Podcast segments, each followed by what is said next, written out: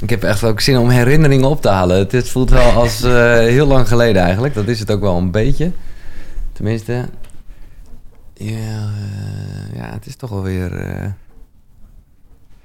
meer dan drie maanden geleden. Ja, ja. ja ik, toen ik net zo door de stad liep, toen, toen kwam ook wel zo onze allereerste, onze allereerste contact bij me op. Ja, Want wij, wij kruisten elkaar op het pad of zo en zei, jij zei, ah, de walker. ja, Blijkbaar had je het beeld van mij, de walker. ja. En ik had het beeld van jou, oh, die, die op het bankje Die op het bankje ligt. zit. Ja.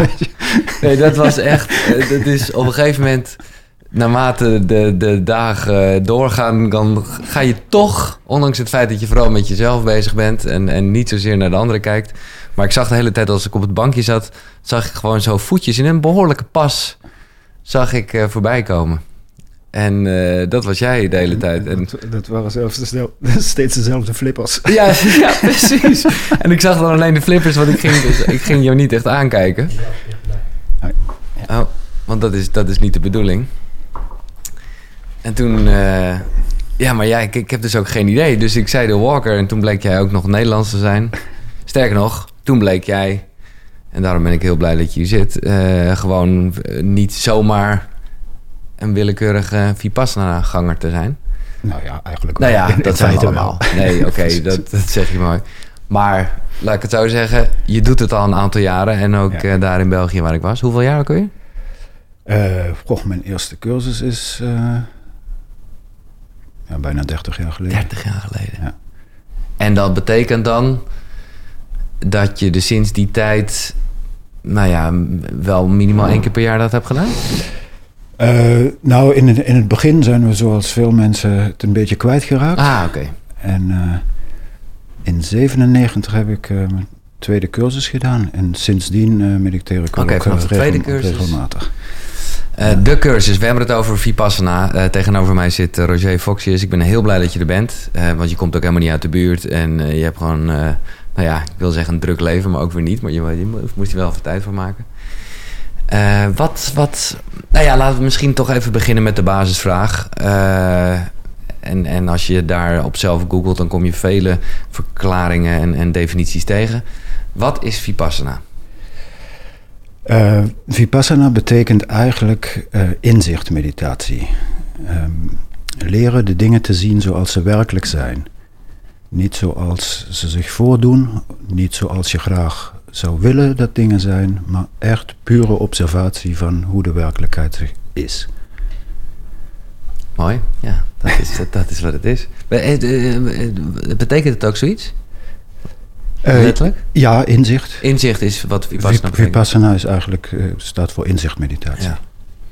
En wat was dan in 1997 de reden voor jou om te denken... oké, vanaf nu ga ik dit eh, volhouden... en niet eventjes zomaar een keertje doen als, nou ja, dat je daarvoor gedaan hebt... en zoals ik dus ook vooralsnog gedaan heb.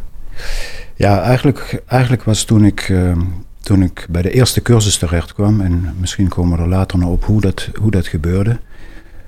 Dat was na een lange zoektocht, na een geschikte oefening. Want ik had eh de jaren daarvoor vrij veel eh, theoretische kennis opgedaan over de Dharma, de teaching van de Boeddha. Ehm, en op een gegeven moment ontstaat dan toch de behoefte om, om dat ook te verwezenlijken. Ja, om het echt te voelen, om het echt, echt te doen. Omdat de hele leer van Boeddha baseert eigenlijk op directe ervaring. Ja, En zolang je eh, alleen maar boeken leest of lessen volgt, blijf je op een redelijk oppervlakkig niveau daarmee bezig. ja dan is het puur kennis. En, ja. En op een gegeven moment kwamen wij door allerlei omstandigheden in een eh Goenka-cursus in India terecht. Dat was in 94. En dat was eigenlijk als een soort thuiskomen. Ik had gelijk zoiets van... Het was ontzettend moeilijk, die eerste cursus, zoals voor veel mensen. Mhm. Ehm, maar ik voelde wel, ja, dit... Eigenlijk kan de zoektocht, zoektocht hier stoppen. Ik heb gevonden waar ik naar op zoek was. ja, ja. Maar goed, het dan ook daadwerkelijk blijven doen in het dagelijks leven, dat is nog een ander, een Ja. ander verhaal. Eh, en dat is in het begin dus ook niet gelukt. Ehm, en eh, ja, toen heb ik drie jaar later een, een tweede cursus gedaan. Dat was hier in het Westen trouwens, in een gehuurde locatie in België toen. En eh, ja, toen was het duidelijk van, dit is het. Dat Ja. wist ik al in de eerste keer, maar nu, nu ook echt serieus aan de slag. Maar is het dan iets, ehm, want dat zeg je al een beetje, ja, eigenlijk houdt het ook nooit op. Dit houdt nooit op. Nee. Ehm, in de cursussen hoor je ook in het begin, je, je start eigenlijk op vrij grove niveaus van de geest. En dat kun je eind, eigenlijk oneindig eh, verfijnen. Ja, ja. Daar kun je steeds dieper induiken. En een, een heel mooi beeld dat ik, dat ik zo heb is... eh, Peter Brook, die heeft ooit de Mahabharata ver- verfilmd. Eh, een van de grote eh epossen, grote verhalen in India. En in de openingsscène zie je eh, een jongetje door een ja, niet nader gedefinieerde ruimte... waar allemaal doeken hangen.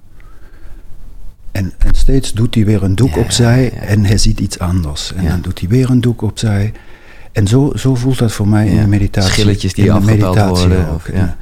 Je hebt vaak, als je begint, dan is, dan is het één grote brei in je hoofd. En dan krijg je een beetje een, een glimps. En dan is het alsof je zo'n doekje open, open schuift. En, dat En zo, en zo kun, je, kun je eigenlijk oneindig verder. Ja.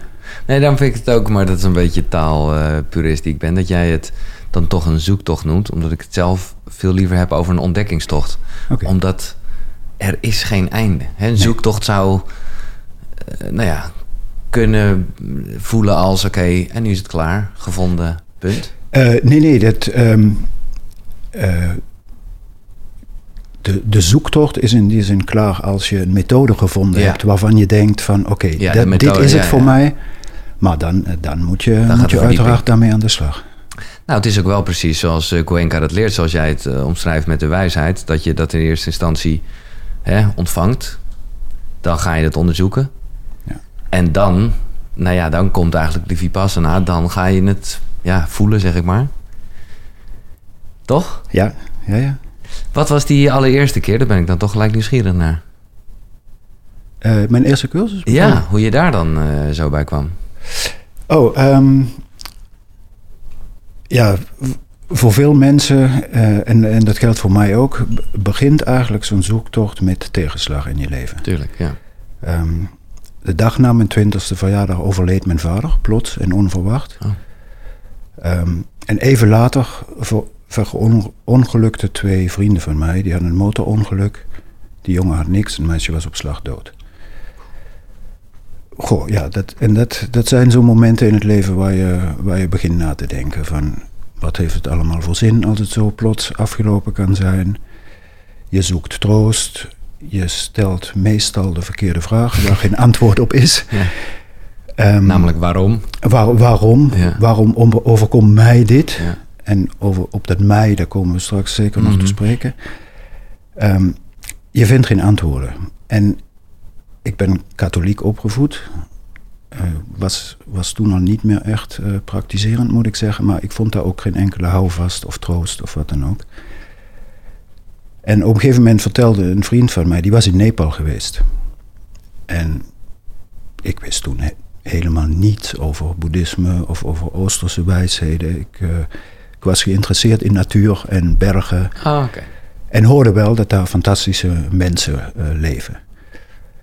Dus ik, ik vertrok ook naar Nepal, eh, direct na het einde van mijn studies. En eh, was daar eigenlijk veel te vroeg in het seizoen. Ik kwam daar midden in de winter, probeerde ik Solo Kumbu, dat, de Everest, Oh ja, de beklimming. Ja, ja. te, te bereiken. Niet, niet te gaan klimmen, maar gewoon trekken. Ehm, maar omdat ik zo vroeg in het seizoen was, waren daar bijna geen, eh, geen toeristen onderweg. En dan heb je overal in die dorpjes zo onderweg zitten van die lodges waar je kunt eh, eten en overnachten. En ja, het was, het was daar s'nachts eh heel koud. En meestal vroegen die mensen dan, ja, je, je bent de enige toerist, vind je het goed om bij ons in de keuken te zitten? In plaats van dat zij de ruimte voor de, voor de Westerners moesten stoken. Dus ik zat daar heel vaak s'avonds in een familie. Meest, vaak drie, me- soms vier eh, generaties, allemaal samen in één keuken. Om, om de enige vuurplek in Ja. huis, waar ook gekookt wordt, maar die ook als, als kachel dient. Ja, en dat, dat, was, dat was een hele bijzondere ervaring. Ehm, die mensen waren ontzettend gastvrij, heel erg zichzelf. Die hadden er blijkbaar geen last van dat daar een zomaar een, een vreemdeling in hun midden zit. En op een gegeven moment, als het eten klaar was, dan ging iedereen daar gewoon liggen. En iedereen sliep ook in diezelfde ruimte. En de volgende ochtend, als het licht buiten wordt, staat iedereen op. Dan krijg je ontbijt en je trekt verder. Leven.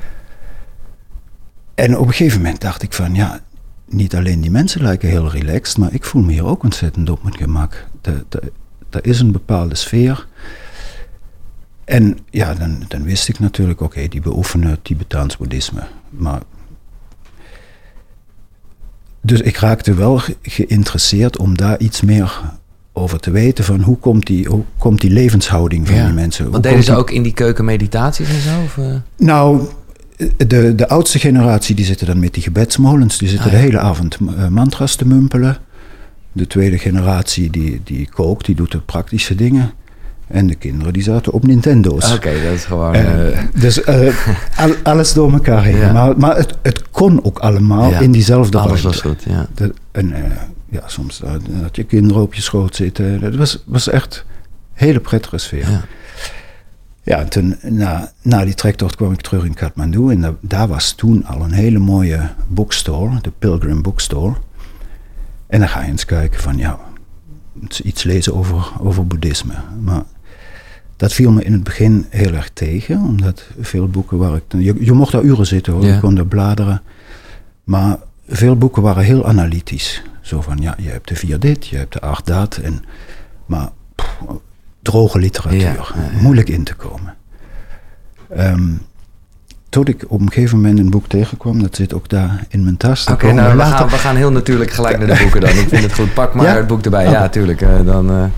Want ik heb, ik heb eigenlijk uh, drie boeken meegenomen. Ja. Twee daarvan gaan over de, de aanloop okay. naar, naar Vipassana, het, het onderzoek. Ja. Um, en uh, eentje heeft dan rechtstreeks met, uh, met de Vipassana meditatie te maken. Maar het eerste boek waar je het over had? Het eerste boek, ik heb het hier in het Duits. Ja? Want dat is uh, mijn moedertaal. Ik ben in België met Duits en Frans opgegroeid.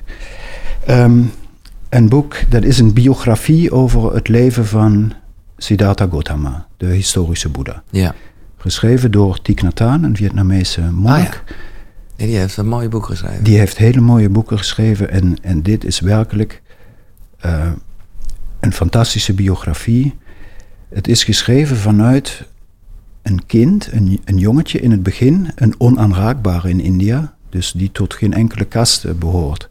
En dus eigenlijk ook niet in de buurt van Boeddha. Van, van hogere kastenleden eh, mag komen. Maar hij ontmoet Siddhartha op het moment dat hij eigenlijk zijn, zijn strenge askese, want hij trok uit, hij verliet het paleis, um, zocht verschillende meditatieleraren op, had eigenlijk alles geleerd wat te leren viel op dat moment. Maar hij was nog niet. Uh, maar hij merkte, ik ben er nog niet. Nee. En toen ging hij met vijf vrienden samen eigenlijk een hele strenge askese doen. Echt het lichaam martelen, uithongeren. Tot die merkte na een aantal jaren van, ja maar als, als ik zo doorga, dan sterf ik en dan heb ik nog niks bereikt. Dus hij besloot die askese af te breken en toch richting de stad te gaan om, uh, om eten te bedelen, zoals de monniken dat In zijn eentje of met die vrienden? Nee, die vrienden die, die gingen door en die, die zagen hem ook als een beetje als zwak. hij, hij houdt het niet meer vol. Um, we laten hem maar gaan. Um, op weg naar de stad valt hij eigenlijk flauw en kan niet meer verder. Is zo verzwakt dat hij niet meer verder kan. En dan komt een meisje uit het dorp, die is met, met offerings voor de, voor de goden in het bos onderweg. Maar die ziet daar een jong, jonge monnik liggen en denkt, ik kan hem beter wat te eten aanbieden. Um, en zo, ja, zo knapt hij weer stilletjes aan op. En dat meisje besluit gelijk, ik breng die man vanaf nu elke dag wat te eten. En daar waar hij mediteert, en dat is dan al onder de, onder de boom, Bekende waar boom. In, in Bodh waar hij later uh, de verlichting bereikt. Daar uh, ontmoet hij ook een, een jongetje, die is, die is dan tien jaar. Um, die hoedt buffels van andere mensen om zijn gezin, want het, ze zijn wees, dat hele gezin. Dus hij moet op zijn tiende dat hele gezin al onderhouden. En hij ontmoet Siddhartha. En is natuurlijk bang in eerste instantie. Ik mag niet eens in zijn buurt komen. En die, die roept hem gewoon Ja, en zegt van, ga maar even zitten. En Ja. die, die worden een soort van vrienden. En vanuit dat perspectief begint dat boek eigenlijk. En die jongen maakt dus ook de verandering mee. Die ontmoet Siddhartha ook de nacht nadat hij echt de verlichting bereikt heeft. En ziet gelijk een grote verandering. En besluit die dag, als ik oud genoeg ben, dan wil ik eh, zijn, zijn leerling worden. En later, op zijn twintigste, wordt hij ook opgehaald en in de, in de Sangha, in de gemeenschap van de monniken, opgenomen. En dit is in hoeverre. eh, ja, dit is, dit- ja, dit zijn de feiten. Tenminste, weten we dat zeker? Dat weet ik gewoon niet zo goed hoe dat zit met het verhaal van Boeddha. Nou, je, je, je ziet de, de bepaalde aspecten, daar, daar zijn verschillende versies van. Ja, ja. Maar de basis. De, de, de basis dat hij als, als prins geboren is, ehm, hem werd een, een grote toekomst voorspeld, of als politiek leider of als spiritueel leider. En zijn vader, de koning, probeert alles om hem zoveel mogelijk binnen de muren van het paleis te houden. Om, ja, om zijn opvolging te regelen eigenlijk. Ehm, maar goed, Siddhartha heeft andere aspiraties. En verlaat het paleis. En die gaat zijn eigen pad zoeken. En, eh, en, en, en dat las jij? Ja, want de, ehm, het is aan de, aan de ene kant verhalend opgeschreven over, eh, over zijn leven, Ja. een biografie, maar zijn, een groot deel van zijn teaching, de belangrijke teaching, staat daar ook Ja, in een hele begrijpelijke taal Ah, in. En dat, dat maakt het eh, zo'n mooi boek om te lezen. Ja. Want even voor de duidelijkheid. eh, nou ja, eh, Vipassana is door hem bedacht. Of zeg je dat? Dat, dat heeft hij geleefd. En dat ja, toch al verspreid als een methode, laat ik het zo maar Ja, er, er wordt eigenlijk gezegd herontdekt. Ja, oké. Want er zijn in het verleden zijn er ook boeddha's geweest. En Oh ja. er wordt gezegd, dit, dit, dit is een universele teaching die er eigenlijk altijd is. Zoals de natuurwetten er ook altijd zijn.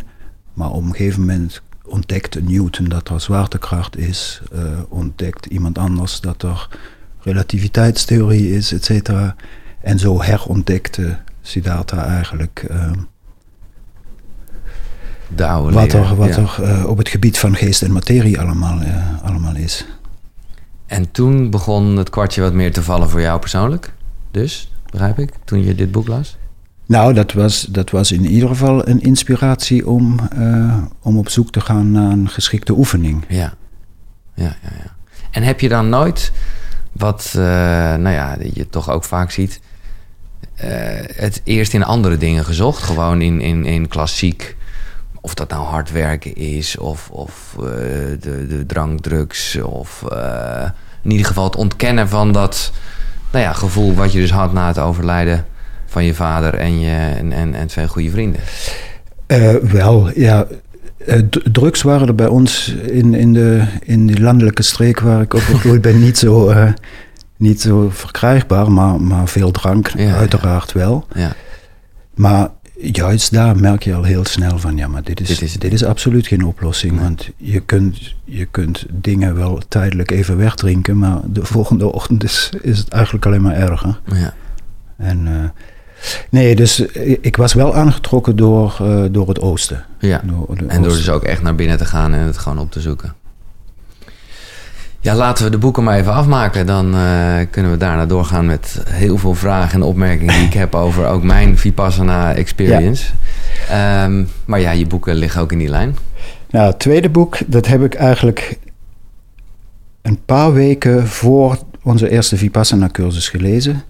En dat was echt een enorme eye-opener. Ehm, ik was al gefascineerd door eh, teksten van Jiddu Krishnamurti, een van de grote Indiase geleerden van de afgelopen eeuw. Die, ehm, hij werd als kind door een helderziende ergens in India ontdekt. En die man die zag, daar is een kind volledig zonder ego. Vrij van ego.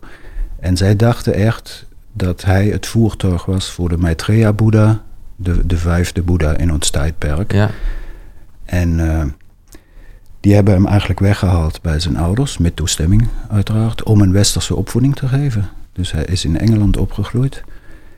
En heeft op een gegeven moment ook een, een hele diepe spirituele ervaring gehad, wat, wat precies uh, blijft, in, blijft in het midden. Ja. Um, maar heeft zich toen ook losgemaakt van alles wat met organisaties uh, te maken heeft. En zijn, zijn boodschap was ook echt van ja, iedereen moet gewoon zijn eigen pad zien te vinden. Mhm. Maar hele, hele scherpe, uh, mooie teksten geschreven. En hij is op een gegeven moment in dialoog gegaan met David Bohm. Dat was een uh, westerse fysicus. Die ook gefascineerd was door, uh, door Oosterse filosofieën.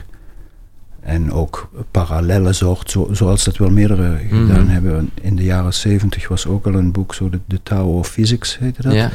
Waar iemand parallellen zoekt tussen relativiteitstheorie, kwantummechanica Eigenlijk en, wetenschap en filosofie. en, en de Oosterse eh, zienswijzes. Ja.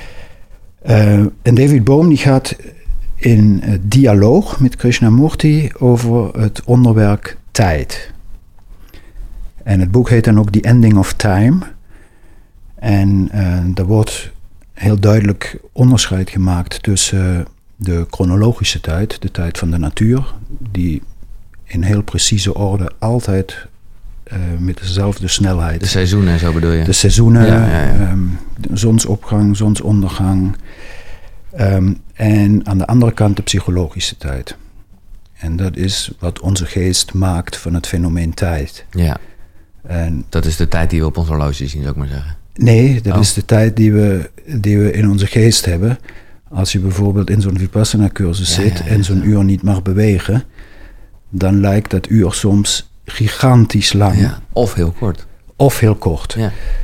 Um, maar dat, dat is dus, Ja, wat, ja. de, De dat is dus wat, dat is wat de geest ervan maakt, van de tijd. En, en naar dat aspect van tijd gaan zij gezamenlijk op zoek. En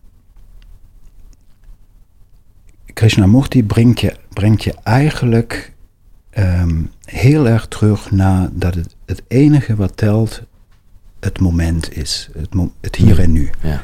Het hier en nu.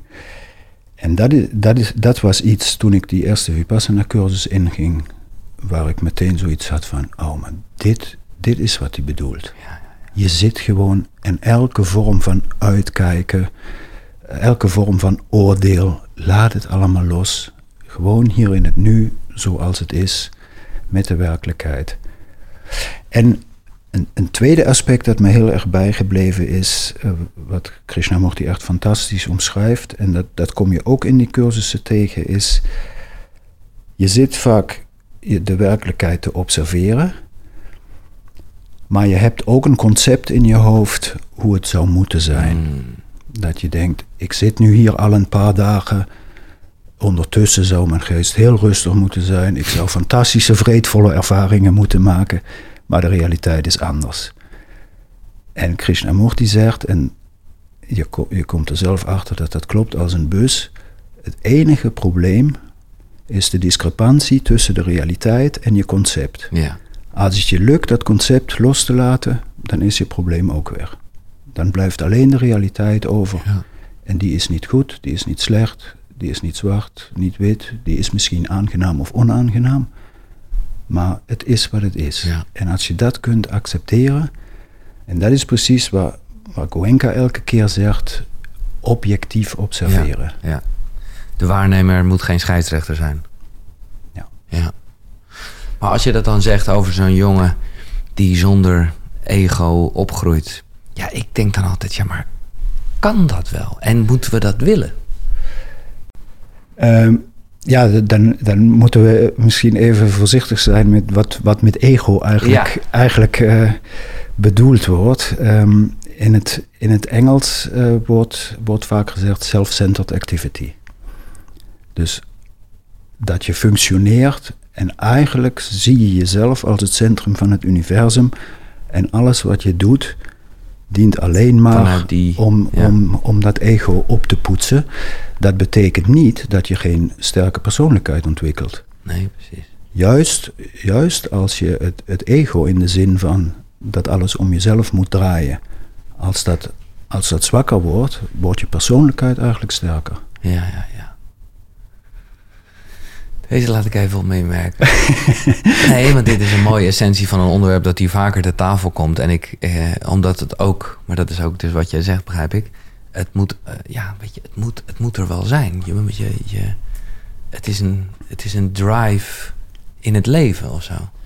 Ja, maar dit, dat hoeft niet voor te komen uit... Uh, nee, exact. Uit, Als het maar uit, niet om jezelf gaat. uit egoïsme. Nee, exact. Ehm, men, mensen die, die, het, die het echt lukt om dat, om dat ego een beetje eh, binnen de perken te houden, Ja, die kunnen een ontzettende drive ontwikkelen. ja. Maar In belang van... van die, die drive die baseert dan erop dat je, dat je enig inzicht hebt in hoe je een leven kunt leiden dat goed voor jezelf en voor anderen is. Exact. En met dat laatste, ja, dat is altijd eh, lastig, want ja, misschien doe je dat wel omdat je jezelf beter voelt, dat anderen zich beter voelen. Toch? Dat is een, altijd een beetje, vind ik, glad ijs. Maar in de basis is dat het verschil tussen handelen vanuit ego of handelen gewoon vanuit echt wie je bent. Ja, het is, het is altijd goed om even te kijken als, als je iets doet, wat, wat is mijn motivatie? Ja, En als je merkt dat er, dat er ergens een, een vleugje van eigen belang aan zit, ja, dan, dan is dat op dat moment zo. Betekent niet dat je, dat je niks, niks goeds moet doen. nee. Ehm, maar Wees er bewust van. wees je ervan bewust, oké, ik ben niet vrij van eigen belang. Nee. En dat is dan ook de realiteit van dat moment. En ook, ook dat eh, kan veranderen in de toekomst. En, en als jij het dan over je persoonlijke eh, reis hebt met, met zoals je eh, de metafoor met die doeken of nou ja, schillen is ook een bekende natuurlijk. Heb jij het gevoel dat bij jezelf jouw ego steeds kleiner wordt? Of, hoe, eh, of dat je er steeds meer bewust van bent? Hoe, ja, hoe zie je dat? Ja, dat, dat, is, dat is voor jezelf altijd heel moeilijk te zeggen. Ja, Ehm, want als je weer zegt dat je er heel goed in bent aan het worden, dan weet je al van, oh shit. Dan, dan ben, je, ben je eigenlijk al gevangen. nee, en je, je, je, je leest ook soms zo. ehm, alleen in, in, in, in Chinese tradities, daar wordt dan gezegd: ja, als je over Tao gaat spreken, dan ben je er eigenlijk al niet mee bezig. Nee, want dat het niet te is. Nee, precies. Nee, dus dat is, dat is heel moeilijk om te zeggen en, en ook gevaarlijk. Ja. Omdat ni- niemand, niemand is, is echt, of bijna niemand is echt vrij van ego. Het, het komt altijd even om de hoek kijken. Ehm, Maar is dat ook wat eh, verlichting dan is? Het vrij zijn van het ego? Eh, onder, onder andere. Ja, de, de Boeddha leerde eigenlijk dat eh, drie, drie aspecten in alle fenomenen terug te vinden zijn. Het, het eerste is de vergankelijkheid. Alles ontstaat en vergaat. Het tweede is dat we vaak denken dat dingen ons gelukkig maken. Om vervolgens erachter te komen dat dat niet het geval is. Dat dat eigenlijk ook ellende verzorgen. En het, en het derde is echt ehm, dat, dat ik en mijn, dat, dat we dat zien als het, het centrum van het universum. Als een, als een entiteit die op zichzelf bestaat. Ja. Terwijl wij in werkelijkheid een ontzettend klein wieltje in een gigantisch geheel zijn. Onderdeel van, ja. Onderdeel van waarin, waarin alles met elkaar verbonden is. ja. En als je die, die drie aspecten volledig gerealiseerd hebt binnen jezelf, dan dat heet dan verlichting. Mhm. En in hoeverre ben je daarmee bezig? Want, nou ja, om daar toch even mijn persoonlijke mening in te gooien. Ik, ik merk, en dat, heeft, dat kleeft ook wel aan het boeddhisme, of, eh, nou ja, eh, is dat, dan gaan ze het helemaal hebben over hoe, er, hoe je in verschillende eh, stages komt. Hè? Ja, op dat moment denk ik alweer, wat is dit voor een ego gebeuren? Zit ik hier een, op een, zit ik hier een soort contest te doen met, oh, ik ben nu stap 1 en ik krijg straks een medaille, ben ik in fase 2. Dus dat, dat, ik vind het altijd, die zoektocht naar verlichting lijkt eigenlijk één grote ego-toestand. Nee, maar dit, dit aspect kom je in een, in een Vipassana-cursus niet tegen. Nee, nee, zeker. Ehm, nee, maar in de, in de leer bedoel ju- ik dan meer. Juist, te- ten eerste, ehm eh, Go- Goenka en, en niemand binnen, binnen deze traditie gebruikt ooit de term boeddhisme. Nee, Ehm, klopt. de Vipassana Staat boven elke religie. Wat base- ook, eh, baseert ja. op, Ja, nee, op, op, op de Dharma, op de leer van Boeddha. Ja, Maar eh is Goenka heeft altijd gezegd, ik hou me niet bezig met ismes. nee. Want een, een isme betekent altijd dat sommige mensen erbij horen en anderen uitgegrensd worden. En, en de Dharma is, is een universele leer en Ja. die moet toegankelijk zijn voor iedereen. Los van achtergrond, cultureel, religieus of wat dan ook. Is er een soort Nederlands woord voor Dhamma? Ik weet het niet zo goed. Eh, Ja, leer misschien. Ja, leer, eh, wet van de natuur. ja, ja. ja. ja. Maar Maar snap je wat ik bedoel met, met... En zie jij dat ook in je omgeving... of mensen die, die eh, nou ja, meedoen aan een cursus... dat, ja, dat, dat het soms zo, gelei, het zo gebrand lijkt op... ik wil verlicht worden. ja, wij, wij, probeer, wij Dan zit er alweer een ik in, weet je. Wij proberen dus eh, de studenten zo, zo ver mogelijk daarvan weg te houden. Ja. Van, van, dat, van dat idee. Want alle, alle ervaringen die je maakt, hoe, hoe aangenaam of onaangenaam, hoe spectaculair dan ook, alles is vergankelijk. Ja. Alle- alles komt en gaat. En, het, en het zijn allemaal tussenstations. Ehm, en daarom zeggen wij ook tegen mensen, als je eens een fantastische ervaring hebt, voorzichtig dat je je daar niet aan vastklampt. Ah. Want vroeg of laat hebt dat weer weg, verandert het in iets anders. En dan creëer je juist ellende als je daarna terug verlangt. Nou ja, laat ik even eh één persoonlijke noot van, de, van mijn Vipassana week. Voor de duidelijkheid, misschien heb ik het nog niet helemaal goed uitgelegd, maar je bent tien dagen stil.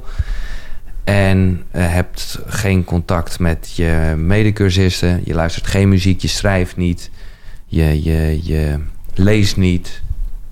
Eh, je bent echt alleen maar bezig met het observeren van jezelf. En een eerste ademhaling, nou daar komen we nog wel op. En ik kan me nog zo goed herinneren, het was dag 7. Nou, dan ben je al, dan, dan heb je echt natuurlijk al wel wat heftige momenten gehad.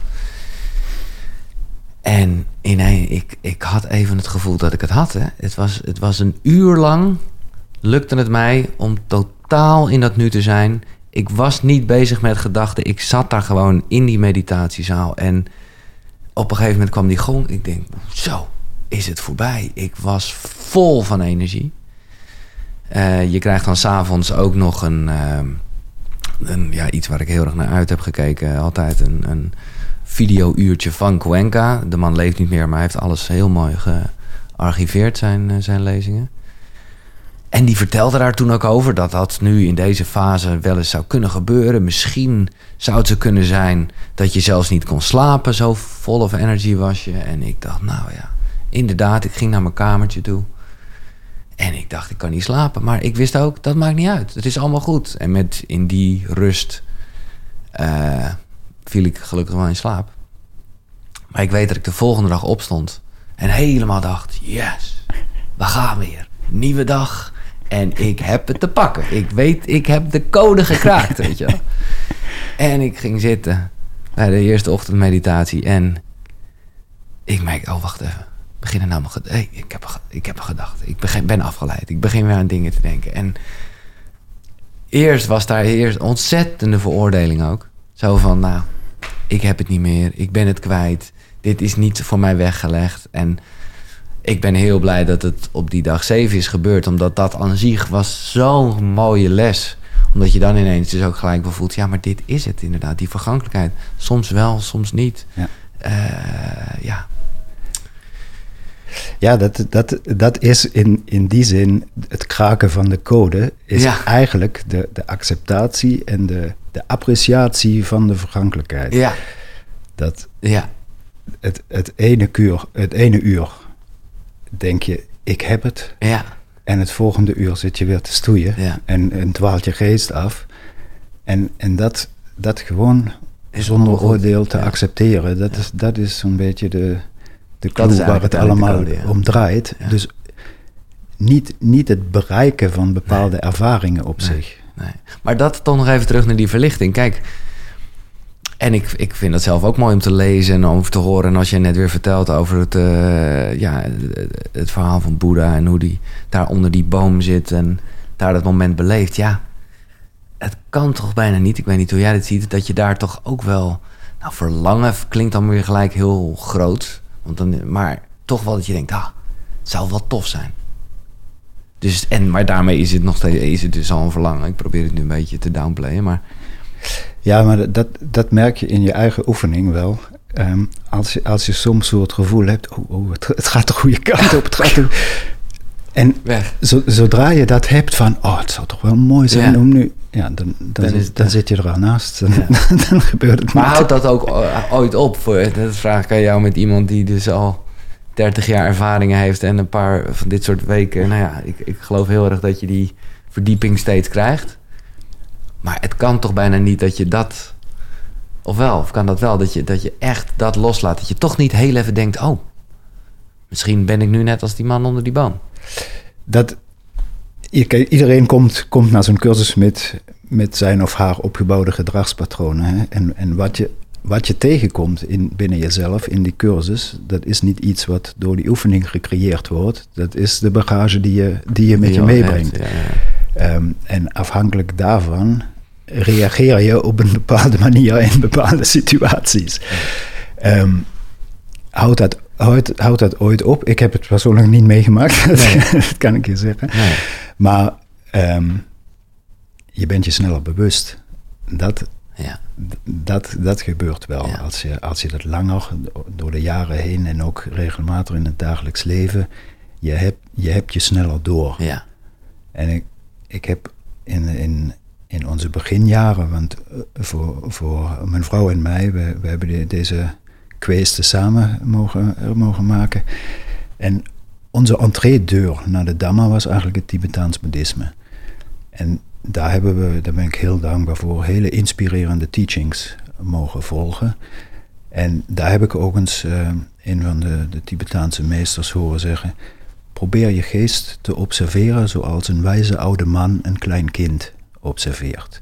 Met liefde. Met, met liefde, met begrip. Je hebt al die spelletjes, al die trucjes, die heb je door, maar je oordeelt niet, je wijst het niet af. Je hebt alleen maar liefde en compassie voor dat kind. En als je op die manier je, je eigen geest ruimte kunt geven in die oefening, ehm, dan, dan zit je toch op een, eh, op een goed spoor. Mooi. We gaan naar het derde boek. Ik zie dat je vier boeken hebt. Ik vind het goed hoor. Ehm, ja, het zijn, het zijn er vier, maar dit is eigenlijk hetzelfde. Dat Ah, is hetzelfde boek in twee talen. Ja, oké. Ehm, dat is de, The Art of Living. Dat is eigenlijk een rechtstreekse beschrijving van een tiendagse Vipassana cursus. Eh, geschreven door William Hart. Dat was een van de eerste generatie assistentleraren van Goenka. Ik vind het grappig, want de Art of Living is toch weer een hele ander soort ademhalingsmethode. Of ben ik nu in de war? Eh, ik, ik weet niet of er nog andere methodes zijn die ook zo heten, maar Nou, ik eh, ga het toch eventjes opzoeken. In het Nederlands heet het eh, het leven als kunst met Vipassana meditatie. En dat is echt gewoon eh, de beschrijving van wat je meemaakt in zo'n week. Ja, wat je, wat, je, wat je doet, de verschillende stappen die je eigenlijk eh, doorloopt in zo'n cursus. Ja, de Art of Living, ja, zie je wel. Ik dacht het al, want ik heb ooit eens daar een keer een cursus gevolgd. Dat is heel erg met, eh, ik weet niet of je wat zegt, de Sudarshan Kriya. Nee, zegt het je niks? Nee. Nee, het is, het is een hele, ja, breathwork noemen ze dat meer. Dat heet Art of Living. En eh, dat heeft ze overal in Nederland. Ik, eh, maar dat is, ja, je zou, ik wil niet zeggen dat het tegenovergestelde van Vipassana is, want dat heeft natuurlijk ook wel te maken met naar binnen gaan en op je ademhaling letten. Maar het is juist heel erg daarmee spelen. En, en bijvoorbeeld ook, die zullen mensen wel kennen, deze adem. Dat dan Hmm. eh, is een onderdeel ervan. Oké. Dat zeg je niks, hè? Nee. Nee, nee. Ja, dat heet Art of Living. Dat zal toch, nou ja, misschien is het toeval. Of, nou het gaat over de kunst van het leven, dus ik snap het Ja, nee. En wanneer eh, las je die of toen was je al gewoon wat verder in het eh, proces? Eh, dit, dit ben ik gaan lezen op het moment dat ehm, mensen ons over, voor het eerst over Vipassana vertelden. Ja, ja, ja, oké. Wij waren in ehm Dharamsala in India. Dat is Toen was je met je vrouw daar? ja, Ja. In een eh Dharamsala, dat- of MacLeod Ganj heet het eigenlijk. Het is een oude Engelse hill station. Waar eh, de Tibetaans, een grote Tibetaanse eh, gemeente in, in exil leeft, waar de Dalai Lama ook zijn residentie heeft. En ehm wij zaten daar in een klein guesthouse en in de kamer naast ons ging elke ochtend heel vroeg de wekker. En dan hoorde je eventjes gescharrel en dan was het, was het En weer stil. niks. Dus ehm, wij, ja, wij kwamen die mensen tegen. Het was een stel, een Frans stel. En we vroegen van, eh, wat, wat doen jullie zo, zo vroeg ochtends? En die zeiden, ja, we oefenen uh, Vipassana meditatie. En dat doen we elke ochtend een uur en elke avond dan nog eens een uur. En wij, wow, uh, dat... Uh.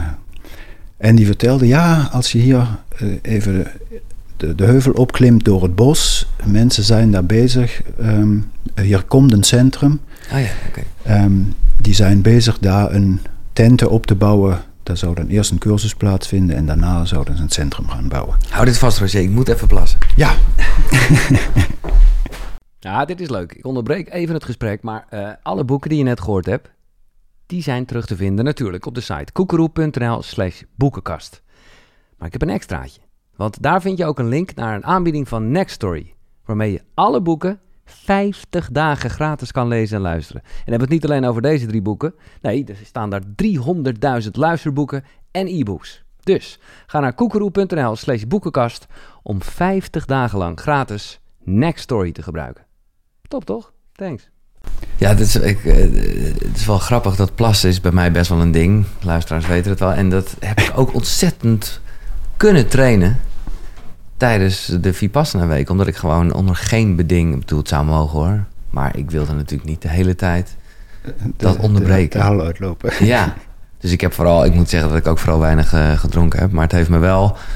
En daar komen we zo nog wel op over hoe je gewoon, nou ja, pijn of nou ja, een aandrang, hè, wat plassen ook eens is, hoe je dat ook gewoon kan observeren en daar toch enigszins boven kan staan. Maar sorry, we zitten midden in een verhaal. uh, jij bent daar in India en uh, bevriend stel. En, en er, kwam, er zou een centrum komen. Ja, uh, wij, wij, zijn toen even door, door het bos daar omhoog geklauterd. En ja, in, in Dharamsala en, en op diverse andere plaatsen in India ook... daar wordt ontzettend veel aangeboden op spiritueel vlak. Ja, het is een beetje een kermis, toch? Hoor ik ook wel eens. Het is bijna een supermarkt. Ja. je, hebt, je hebt daar kruispunten waar, waar de bordjes met de verschillende cursussen die je kunt volgen, uh, daar word je niet meer wijs uit, omdat het er zoveel zijn. en dingen, ja.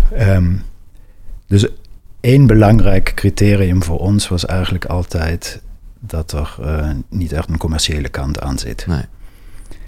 En... Uh, nou ja, we, we zijn even de, het bos omhoog geklauterd en die mensen waren daar inderdaad. En die, die waren heel erg uh, bereid om, om een beetje te vertellen. En die verkochten daar ook dat boek. Die koop je voor een paar roepies in India.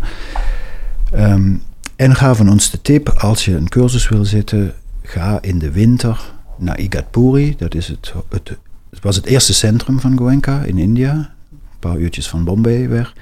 Want in de winter is Goenka zelf daar ook. Ah. En uh, in die tijd was dat geen enkel probleem. Je stuurde een brief in India waarvan je je afvroeg: gaat die ooit weg? Komt die ooit aan? maar of die aanmelding binnen is of niet, op, op de dag zelf kom je aan en je kunt meedoen in zo'n cursus. Dus er was nog geen lotingsysteem, nee. geen wachtlijsten. Je, je kon daar gewoon uh, binnen wandelen. Um, ja, en, en, dat boek heb ik toen met groot interesse gelezen. En uh, dan kom je, kom je inderdaad uh, tegen van, oh, die cursussen, dat is op donatiebasis. Daar zit helemaal geen, geen, geen commerciële motivatie nee. of wat dan ook achter. En dat aspect sprak ons meteen heel erg aan, ja, dat klopt, omdat ja. bij heel veel dingen die aangeboden werden, dat wel het geval was. Of commercieel tintje, of beloftes. Van ja, dat je aan het einde van de cursus voel je, voel je dit en dat. En, um, en dat, nou ja, dat, nee. daar hadden we allebei zoiets van, ja, dat, dat is het voor ons niet. Dus dit, uh, dit wilden we gaan proberen. En een paar maanden later zaten we in Igatpuri. En dat, daar waren toen al meer dan 400 deelnemers, vrij grote cursussen. Weinig westerners.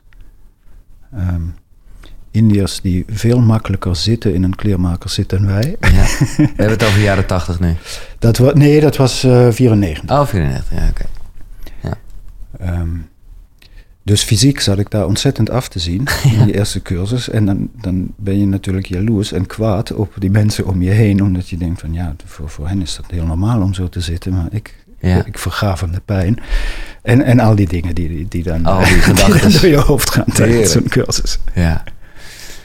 Ja, Goenka. Ik uh, vind het echt een fenomeen. Er zijn voor duidelijkheid wat verschillende Vipassana-methodes. De basis is dus gewoon altijd wel hetzelfde. Dat, dat inzicht krijgen, dingen zien zoals ze zijn. En, en ik denk dat je altijd wel bezig bent met je ademhaling en je lichaam en gewoon je gedachten. En... Ja, ik weet, ik, ik weet niet precies wat, wat andere tradities doen. Nee. Ehm, we hebben in, in India hebben we ook vipassana retretes ehm, gezien. Zelf, zelf niet deelgenomen, maar waar we wisten, daar, daar is veel meer loopmeditatie. Ja, dat is die, die Mahasi. Eh, in, deze, in, in onze traditie hier, dan, daar zit je vooral. Ja. Je zit eigenlijk de hele Ja. dag. En ik geloof, ik weet niet of je er kenbaar mee bent.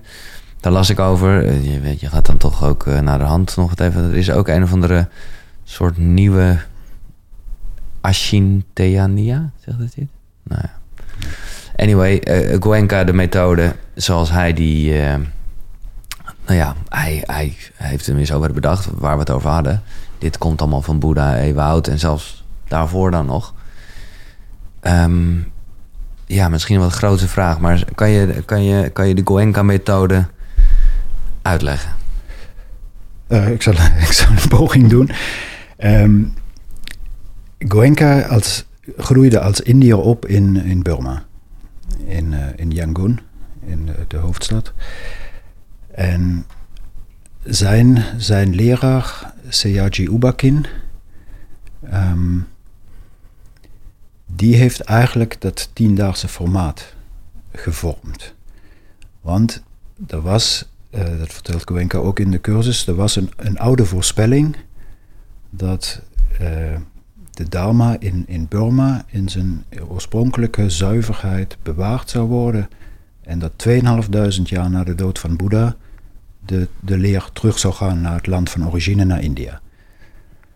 Ehm, en Sayaji Ubakin, Goenka's leraar, die zag, die zag dat aankomen.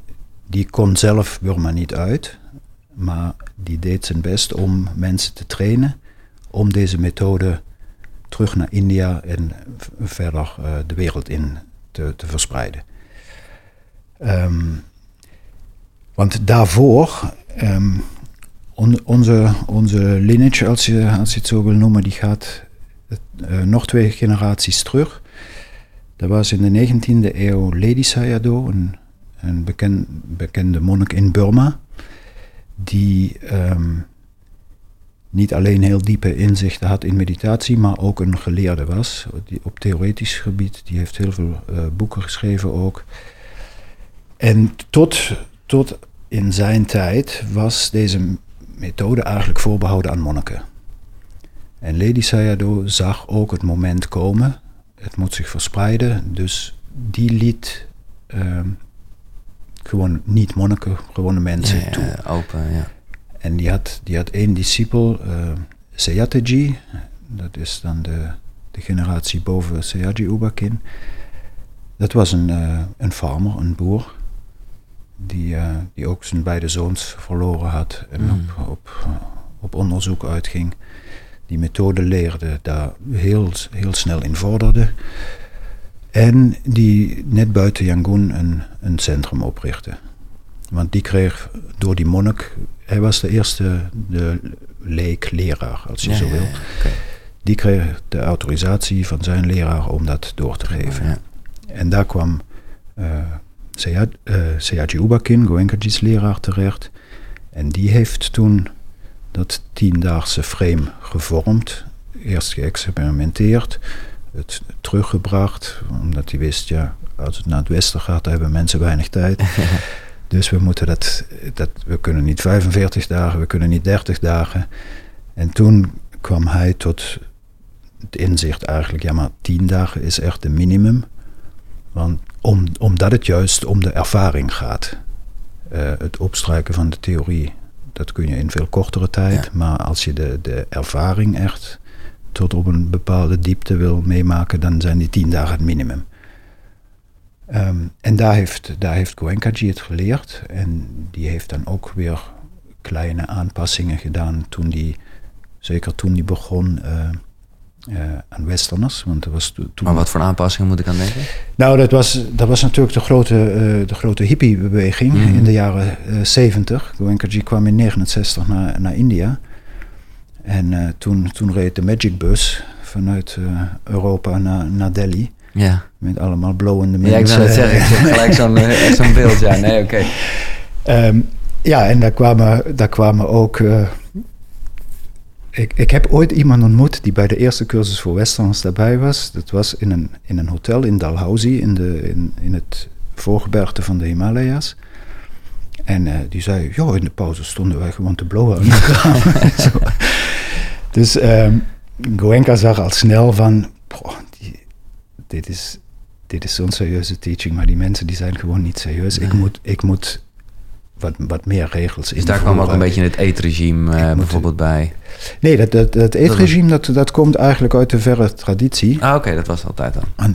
Even voor de duidelijkheid, je, het is, uh, ja, je zou kunnen zeggen een soort vaste, maar, maar ja, wat je hier vaak uh, tegenwoordig hoort is intermittent fasting, waarbij mensen s ochtends zeg maar de maaltijd skippen. Hier is het precies andersom. Je ontbijt op 7 uur, je luncht om 11 uur en dat was het. Ja, en dan krijgen de, de, mensen die voor het eerst komen, die krijgen om vijf uur nog een kleine snack. Thee met fruit. Uh, ja. uh, en de mensen die al, die al eens een cursus voltooid hebben, die drinken eigenlijk alleen maar uh, water met citroen. citroenwater. Ja. ja. Um, dat, dat, komt, dat komt echt voort uit een oude traditie dat je na twaalf uur, na de lunch, eigenlijk geen vaste maaltijd meer, meer tot je neemt. Het idee is om Ehm, geen energie kwijt te raken aan de, aan de, aan de spijsvertering. Ja, ja, um, en daardoor meer energie over hebt voor je, voor je oefening. Werkt ook wel echt zo als ik nu terugkijk op, op eh, de ja, wat meer later op de middag en de vroege avond meditaties. Ik bedoel, mijn, mijn momentje zoals ik dat net omschreef, dat was wel s'avonds, ja. ja. Ja, voor sommige mensen is dat ook heel erg moeilijk. En uh, we, we zeggen dan ook, ja, kijk, dit, dit is de bedoeling, dit is de motivatie. Maar als je merkt dat het averechts werkt, dat, ja, ja. Kom, kom dan even langs, dan, uh, dan verzinnen we iets anders. Wat, wat voor, voor die persoon beter werkt. Maar zo bedacht Koenka zijn methode en heeft hij dat... Nou ja, dat is, dat is... Ja, ik vind dat fenomenaal. Echt over de wereld uitgerold. Allemaal volgens, nou ja, een hele duidelijke ja, leermethode? Uh, ja, ja hij, hij is begonnen. Um, hij, hij, kende in India bijna niemand. Hij is, hij is begonnen, hij wilde eigenlijk een, een cursus voor zijn ouders aanbieden. En er waren een, een, een, aantal mensen, ik geloof twaalf deelnemers. Ja, waaronder zijn ouders? Waaronder zijn ouders.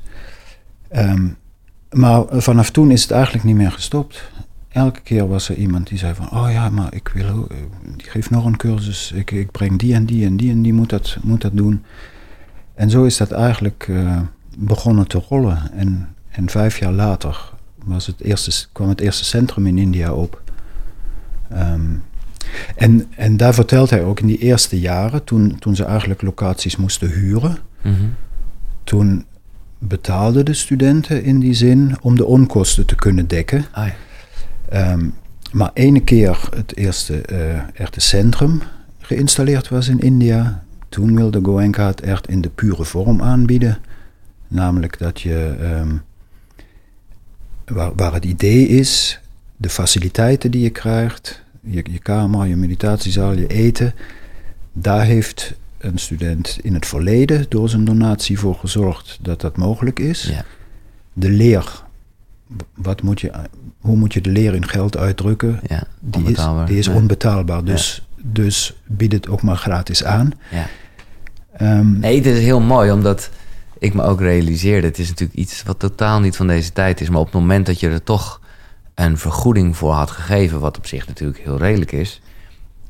dan zou je ook dingen verwachten. Dan zou je denken, nou, ik heb je betaald voor de lunch waarom uh, heb ik dit niet of dat niet? Ja, dat, dat is hem juist. Dat, dat, wordt ook uh, in een van de laatste lezingen s'avonds wordt dat ook uitgelegd. Ja. Je, tijdens zo'n cursus krijg je de kans om bepaalde kwaliteiten te, te ontwikkelen. En eentje is juist dat je, um, je hebt niet betaald, dus je hebt nergens recht op. Ja.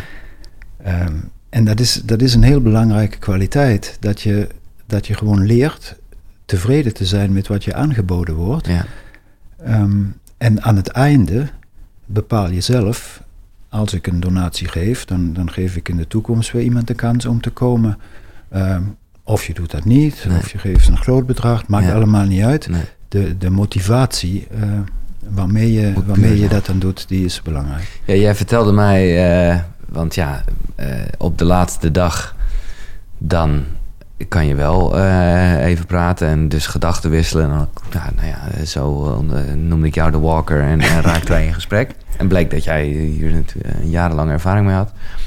Toen vertelde hij me ook een verhaal van eigenlijk iemand, en ik snap dat heel erg, die het niet kon geloven dat het echt zo vrij is dat je zelf mag weten Ja. wat je doneert.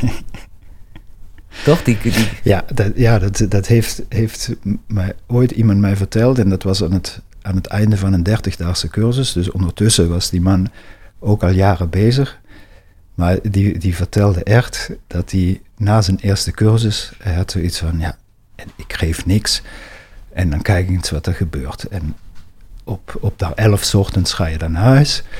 En hij dacht, nou, nog voor ik aan de poort ben, zou, zou iemand me in mijn kraag pakken en herinneren dat ik nog niks gegeven heb. Maar hij liep gewoon het terrein af. En toen dacht hij, eh, nou, voordat ik thuis kom, zal ik wel een e-mail hebben, een herinnering. Weer niks. Eh, na een paar weken nog steeds geen herinnering. Eh, op een gegeven moment schreef hij zich in voor een, voor een tweede cursus. En hij dacht, ja, ik zal wel geen plek krijgen zolang ik, eh, zolang ik niet wat overmaak. Nee hoor, ik kreeg een bevestiging, kon deelnemen. En dat heeft hij drie cursussen volgehouden, wist hij mij te vertellen. Tot op een gegeven moment echt bij hemzelf het kwartje viel van, waar ben ik eigenlijk mee bezig? Dat, is puur, dat zijn puur mijn eigen hersenspinsels. In, in die organisatie is niemand die je controleert. Het is echt, op een gegeven moment ontwikkel je zelf die kwaliteit dat je kunt geven Ja. om, om anderen weer de kans te geven. ja, het geeft gewoon aan en ik snap hem heel erg. Wij leven gewoon niet in een wereld waarbij, ja, waarbij dit normaal is. Nee. Dus het is, ja... Nee, maar dat is, dat is binnen, binnen deze traditie een heel belangrijk aspect. En dat, dat is eigenlijk ook een oefening die al die mensen doen die komen, die komen helpen, die vrijwilligers. Ja. Want die organisatie draait wereldwijd uitsluitend op vrijwillige help, hulp. Ehm, en die mensen die komen, die in de keuken werken, die in de tuin werken, die, die de studenten verzorgen, ehm, die leren eigenlijk hoe je, hoe je kunt geven zonder iets terug te verwachten. Ja, En, dat is het. En dat is ook een proces. Ja. En dat is, dat is niet makkelijk om dat te doen. Maar eh, je hebt tijdens zo'n cursus als, als helper daar echt de uitgelezen kans om, om dat verder te ontwikkelen. En hoe zit dat dan? eh, want jij, en ik had een andere leraar, maar jij, jij, jij doet dat daar ook. Is, is daar ook geen vergoeding voor? Nee, ook, ook de leraren zijn, zijn in die zin Dharma-servers, zoals, zoals het Ja. dan heet. Ehm, nee, en ook, en ook wij doen het, doen het op vrijwillige Ja, basis. Waardoor dus altijd... Nou ja, ik snap het. Maar het is ook, ik vind het ook bijna jammer in de zin van... Dat, dat mensen zoals jij die echte kwaliteit hebben om dit te teachen... Ja, die kunnen dat dus niet fulltime gaan doen. Nee, ten, tenzij je gen- Tenzij je genoeg, loterij gewoon hebt. ja. genoeg reserves hebt. Nee, de, de, de, meest, de meeste ehm, zogenaamde assistentleraren heet dat dan in deze traditie. ehm, ja, werken gewoon, moeten gewoon eh, Ja. ook hun levensonderhoud verdienen daarbuiten. En eh, in de vrije tijd eh, kunnen wij cursussen begeleiden. Nee, ik snap, ik, ik snap ook dat het anders echt niet werkt. Het is echt, nou ja, de uitdrukking gelijke monniken, gelijke kappen is een bekende natuurlijk. Nee, dat is hier. Nee, dat is, dat, is wel, dat is wel echt een heel belangrijk aspect. Ehm, iedere, iedereen die daar komt, moet, moet ook echt leven wat er, wat er geleerd wordt. Ja. Anders, anders werkt het niet. Nee. Dan sluipt hypocrisie erin. Ja, maar of, ik, of- ik, ik, het is toch bijna te utopisch. Kijk, neem nou bijvoorbeeld hè, het geld voor die donaties. Werd mij toen ook uitgelegd, even los van het feit wat jij net zegt... dat je daarmee eigenlijk het voor de volgende betaalt...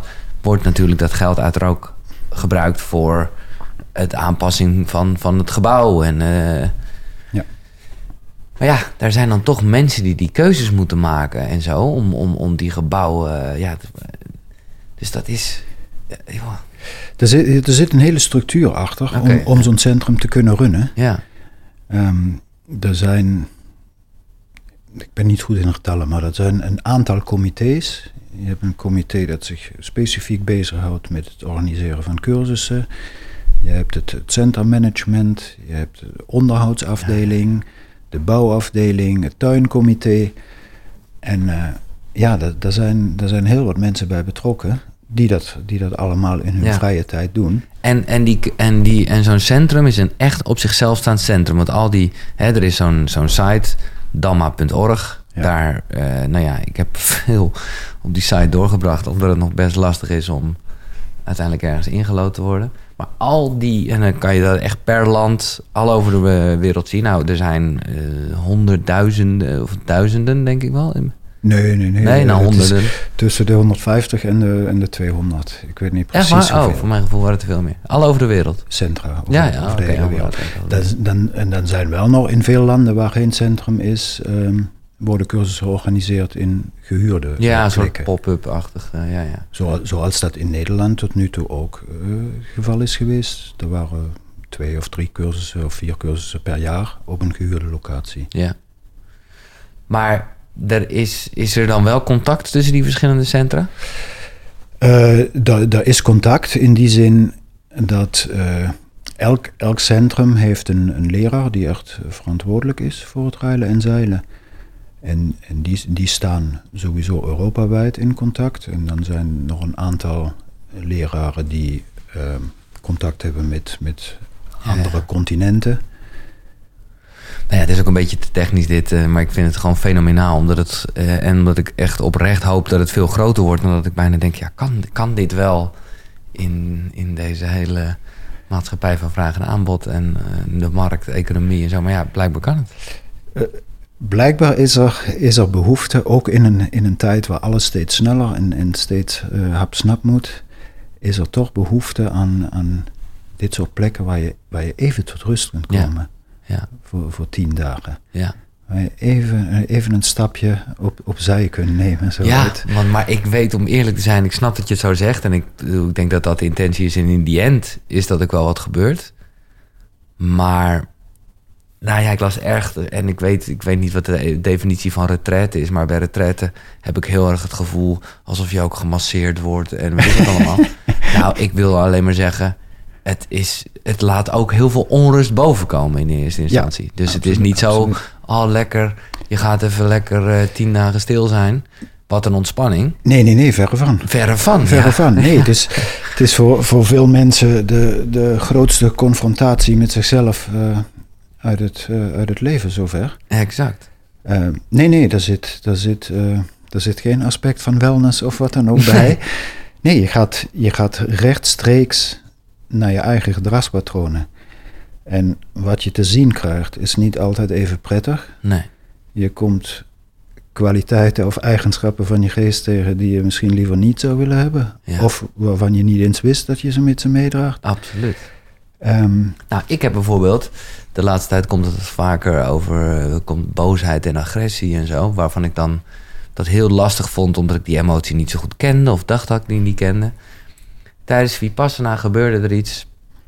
Dat was ook machtig mooi. Ik ben gewoon wel iemand die graag ergens goed in wil zijn. Ik zal niet zeggen de beste, dat valt ook echt wel mee. Maar ik wil wel echt heel goed zijn in iets. Dus ik was gewoon goed voorbereid. Als in, nou ja, ik, ik ging er gewoon voor. Dus ik was een strebertje. En uh, er zijn ook bepaalde meditaties die kan je op je kamer doen. Nee, ik was gewoon zoveel mogelijk uren in de gemeenschappelijke meditatiezaal. En natuurlijk, hè, we hebben het over stilte. Maar het kan wel eens gebeuren dat je even moet hoesten. Dat je even toch moet verzitten. En, uh, tuurlijk. Maar naast mij zat een gast. Nou, het was niet normaal. Hoeveel geluiden hij produceerde. Dat was ook niet een klein beetje, nee. En dat was ook...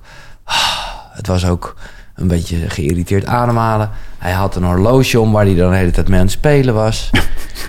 en dit begon natuurlijk al, want je hebt een vaste setting. Dus je zit altijd op dezelfde plek in de zaal. Dit begon al een beetje op dag één.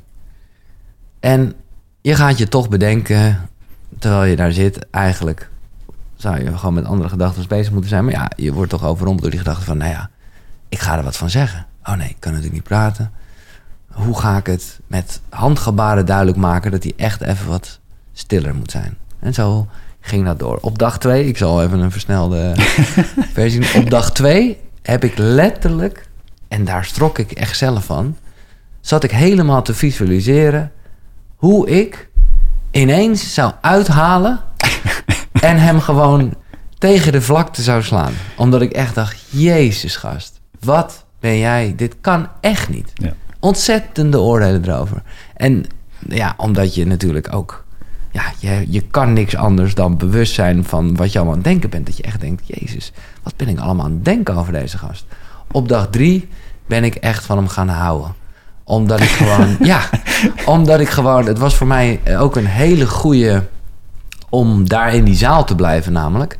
En ik werd letterlijk elke keer dat hij een geluid maakte, werd ik warm van binnen. Want dacht ik, oh ja, hij is er ook. En ja, ik weet het niet. Ik, ik had me ook voorgenomen, heb ik ook gedaan. Hij gaat de eerste, de beste zijn tegen wie ik ga praten na afloop. Want ik wil hem bedanken. Hij heeft geen idee wat hij voor mij heeft betekend deze Ja. week. Mohammed heet. Ik heb hem uiteindelijk ook thuis gebracht, want in België. Eh, het was, en hij had geen idee. Eh, ik, eh, en hij heeft het tot het einde volgehouden. en ik heb er, ik moet, ik, ja, dus het heeft zich echt omgeturnd van haten tot houden van. Zonder dat er ook maar enige echte feitelijke interactie heeft plaatsgevonden. En dan leer je dus heel erg, dit zit allemaal in je hoofd. Ja, dat, is, dat is wel een heel mooi voorbeeld. Want er zijn, er zijn natuurlijk ook mensen die, die gaan in, in zo'n situatie direct komen bij, bij de leraar en zeggen van ja, ja die, die gasten, dat is echt niet te doen. En, en dan, dan, Wat doe je als leraar dan? ja, dan, dan, dan houden wij dat even in de gaten. Is, is, daar, is daar werkelijk iets? Eh, moeten we die persoon aanspreken? Of zit het echt in de geest van degene die komt? en, dan, en dan nodigen we mensen uit om dat zo, zo goed mogelijk te, te observeren. Ja. Ehm, maar goed, je, je bent eh, zelf door, Ja. dat, door dat proces gegaan. Ja. En hebt... eh, Ja, het was ook wel, ik bedoel het niet, ik wil mezelf eh, helemaal niet vrijpleiten, maar het was ook echt zo later in die gesprekken erover, bleek dus inderdaad wel echt dat iedereen hem altijd wel hoorde. Maar ja, dat was zijn, ja, wat maakt het uit eigenlijk, weet je? Dat, dat was wel gewoon zijn ding. Nou ja, wat, wat, zo- wat sowieso helpt, is het, het idee, die doet dat heus niet om mij op de kast te krijgen. Exact, exact. Dat, dat, is, een, dat is een eerste. Ja, Ehm, en, en dan weer, weer een van die kwaliteiten die aan het einde besproken worden, is, is toch de tolerantie. ja, Dat je, je zit daar met, ja, nu in corona is het iets minder, maar in normale tijden zit je daar met bijna 100 mensen in die zaal. Het is altijd zo dat iemand zit te kuchen of, of te scharrelen ja. of onrustig is of wat dan ook. En dat is je, altijd degene die net naast je Ja. zit, die dan op je systeem gaat werken. Precies. Eh, nog even over Goenka, want ehm, ik, ik, ja, je gaat ook, eh, ja, tenminste ik, heel erg van die man houden, omdat het s'avonds, dan is dat ook eventjes, eh, nou ja, het bijzondere momentje van de dag zou je kunnen zeggen. Dan zit je in een zaal een video te kijken van hem van een uur lang. En ja, ik keek er echt naar uit, omdat het, omdat het ook een hele ja, grappige man leek. Of nou, leek, dat kan ik wel oordelen op basis Jij hebt naar de Engelse lezingen geluisterd, naar de video's. ja, eh, nou, ik heb het een beetje alle twee gedaan. Omdat ik gewoon, ik wilde het echt, wat ik al zei, ik ben een strebertje. En ik wilde niet dat ik het niet helemaal zou snappen. Mijn Mm. Engels is niet 100%. Dus wat ik deed, was ik ging naar de Nederlandse. Maar die was dan altijd iets eerder klaar, omdat die Goenka Ah, ja. natuurlijk uit... Dus dan ging ik nog eventjes terug naar de zaal, waardoor ik toch wel de sfeer voelde... Ah, ja, ja, ja, van hoe hij dat daar... Hè, er was een videoopname hoe hij dat daar ook in een... Nou ja, eh, eh, een cursus van jaren geleden met publiek en zo deed. Dus ik heb wel de sfeer meegepakt, maar ik heb het wel in het Nederlands eh, gevolgd. Ja, want die, die lezingen die, die zijn in, in alle mogelijke talen vertaald. Ja, En de inhoud klopt. Het is, het is vertaald. Maar de humor ja. die, ja maar zat toch ook wel in het Nederlands hoor, maar... die Goenka er, erin legt, dat, dat mis je zo'n beetje in de, Ja, ja. in de vertalingen. Want- Nou, ik heb er wel hard op gelachen altijd. En ik schrok daar de eerste keren nog van, omdat het ook weer niet de echte ambiance was. Maar ja, ik moest er gewoon echt om lachen. Ja, maar tijdens die lezingen kan dat wel hoor. Voor- vooral in de, in de hal waar dan de, de video Ja. gespeeld wordt. En Goenka die doet dat ook een beetje bewust. Ja. Weet je, dag, dag vier als smiddags die, de eigenlijke Vipassana-methode geïntroduceerd wordt. Dat is een hele lange, intense sessie. En in, s'avonds in de discours, dan komen, komen wat grappige verhalen Ja, langs. eh, ook om, om de spanning, om de ja, spanning een beetje los te kunnen laten. En dan, dan wordt er hard op gelachen en dat is ook prima. Ja. Wat, eh, want jij hebt dus, eh, nou ja, eh, bij hem destijds in India een cursus gevolgd. Later is hij ook nog even naar het centrum in eh, België geweest, Ja. eh, jaren later. Wat, wat was het voor man? Eh, ja, een, een, een fantastische man. Ehm, ontzettend, ontzettend krachtig. Hij, hij kwam uit een, uit een businessgezin. Ja, Het was, was echt een powerhouse. Ehm, maar door, door zijn vorderingen in die Vipassana werd hij, werd hij, als je zijn vrouw mag geloven, veel, veel milder. En hij had sowieso heel veel humor. Was ehm, als, als jonge man al ehm, verdiepte hij zich, hij kwam uit een klassiek hindoe gezin. Verdiepte zich in de, in de Upanishads, in de Vedanta, in, in de oude Indiase teksten. Dus daar theoretische kennis had hij, had hij wel paraat. Ehm, ja, en kwam op een gegeven moment met, met deze meditatiemethode in aanraking, waar hij waar die snelle vorderingen maakte. Ehm, en, en zijn leraar hem dus de opdracht gaf van ga dit maar. ga, doen. ga Ja. het verspreiden. Ja, En ja, dat is bijna een unieke combinatie. Hij, hij, had, hij had echt de power om er een grote organisatie van te maken. Maar, maar ook de, de compassie, de meta, om dat op een, op een hele fijne manier te doen. En ja, onze, onze generatie, wij, wij hebben hem nog zo af en toe meegemaakt. Maar de, de iets oudere generaties, mensen die 10, 15 jaar ouder zijn dan, dan wij nog, Mhm. die hebben direct met hem gewerkt in, Ja. de, in de beginfase. ja. En, en voor hen is dat, is dat echt als een, als een vader. Dat is, Ja, het is ook mooi. Ik zit even aan te denken. We hadden eerder eventjes een e- eh, over, over het ego, maar ook wel jezelf zijn. Want ergens wilde ik nu zeggen, ja, op een goede manier had hij ontzettend ego. Maar dat is dus juist geen ego, dat is zijn persoonlijkheid, zeg je. Ja. Ja, dat is wel echt een mooi verschil, ja. ja, dat is, dat is een heel belangrijk verschil. Want eh, zijn motivatie was echt om, om dat voor beschikbaar te stellen voor Mhm. zoveel mogelijk mensen. Ja, En eh, ja, om, omdat er geen aspecten van zelfverrijking, et cetera, in zitten, is de gevaar dat het ego om de hoek komt kijken al een stuk minder. ja. Nou ja, wat ik wel had, is wat ik niet zo goed snapte, was, daar kwam ik dan wat later achter, dat als je zit in die zaal, is daar ook een soort zaalindeling. Kijk, dat man en vrouw gescheiden worden, eh, dat snap ik. Eh, Dat is ook een beetje van oudsher. Maar dat je, als je het zeg maar een tweede cursist bent, of hoe noemen ze dat? Eh, Dan ben je Een oud, oud student. oud student, ja, precies. Dan mag je wat meer vooraan zitten. En dat vond ik toch nog een beetje, ja, dat ik denk, ja. Ja, misschien ben ik daar gewoon super gevoelig voor. Maar dan voelt dat weer toch, dat voelt wel een beetje, toch wel als rangen en standen en dingen bereiken.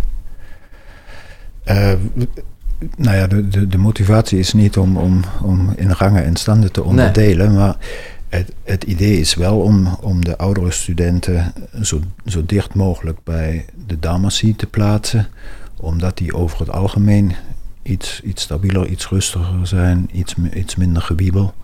En soms ook voor de, de zogenaamde nieuwe studenten dan als een soort inspiratie Ja, eh, dienen, Ja, ja, die, je die je voor je ziet zitten. ja, ja, ja. Maar je hebt absoluut gelijk. Er, er schuilt altijd het gevaar. Maar mensen kunnen dat zelf in ieder geval hebben. Van, oh, nou, ik wil... eh, Nou ja, maar je, je, je hebt altijd oud-studenten die dan op de tweede rij zitten en die denken: ah, ik, had, ik had toch liever op de eerste rij gezeten. enzo- Ja, enzovoort. Ja, ja, ja je, je geest is zo slim. Die, die, die, Ja. die komt met, met allerlei suggesties. Maar goed, ja, dat, daar kun je. Je, je kunt erover gaan praten met de, met de leraar of je kunt Ja. er zelf mee aan de slag. Hoe nee, dan- maar is hoe het, dan heb ook. je dat wel eens gehad? Dat iemand echt vroeg op een ander plekje?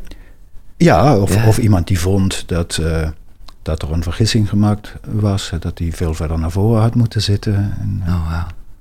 Ja, het is toch grappig. eh, want, ehm, nou ja, we hebben het al een beetje gehad over hoe de dagindeling, dagindeling is qua, qua eten. Ja, voor de rest valt er weinig over te zeggen. Los van het feit dat je soms echt in die zaal eh, aanwezig dient te zijn. En op andere momenten kan je bepalen of je dat op je slaapzaal doet of niet. En smiddags, tussen 12 en 1, dan is er een momentje. Nou, dan kan je even in de tuin gaan eh, zitten op een bankje. of gaan lopen, wat je wil. Eh, en dat is ook het moment om een vraag te stellen aan de leraar. Ja. En eh, nou ja, dat heb jij. Jij hebt ook in die rol van, van assistent-leraar dus vaak gezeten. Ik ben gewoon even nieuwsgierig. Ook met dat hele, de tijd waarin we leven, weet je wel. Geen muziek, niet schrijven, lezen, sporten. Dat, ik moet zeggen, dat las ik nog op tijd. Want ik had me toch alweer voorgenomen om even bepaalde sportoefeningen toch te doen op mijn kamer. Toen ging ik daar een beetje over googlen. En toen begreep ik toch wel van, oh nee, het is echt niet de bedoeling. Terwijl ik dacht van, ja, ik word helemaal gek als ik de hele dag daar stil zit. Dus dat moet er dan even uit. Hm. Eh, maar dat is dus ook niet de bedoeling. En ik ben blij ook dat ik het niet gedaan heb, want dat is alleen maar weer afleiding. eh.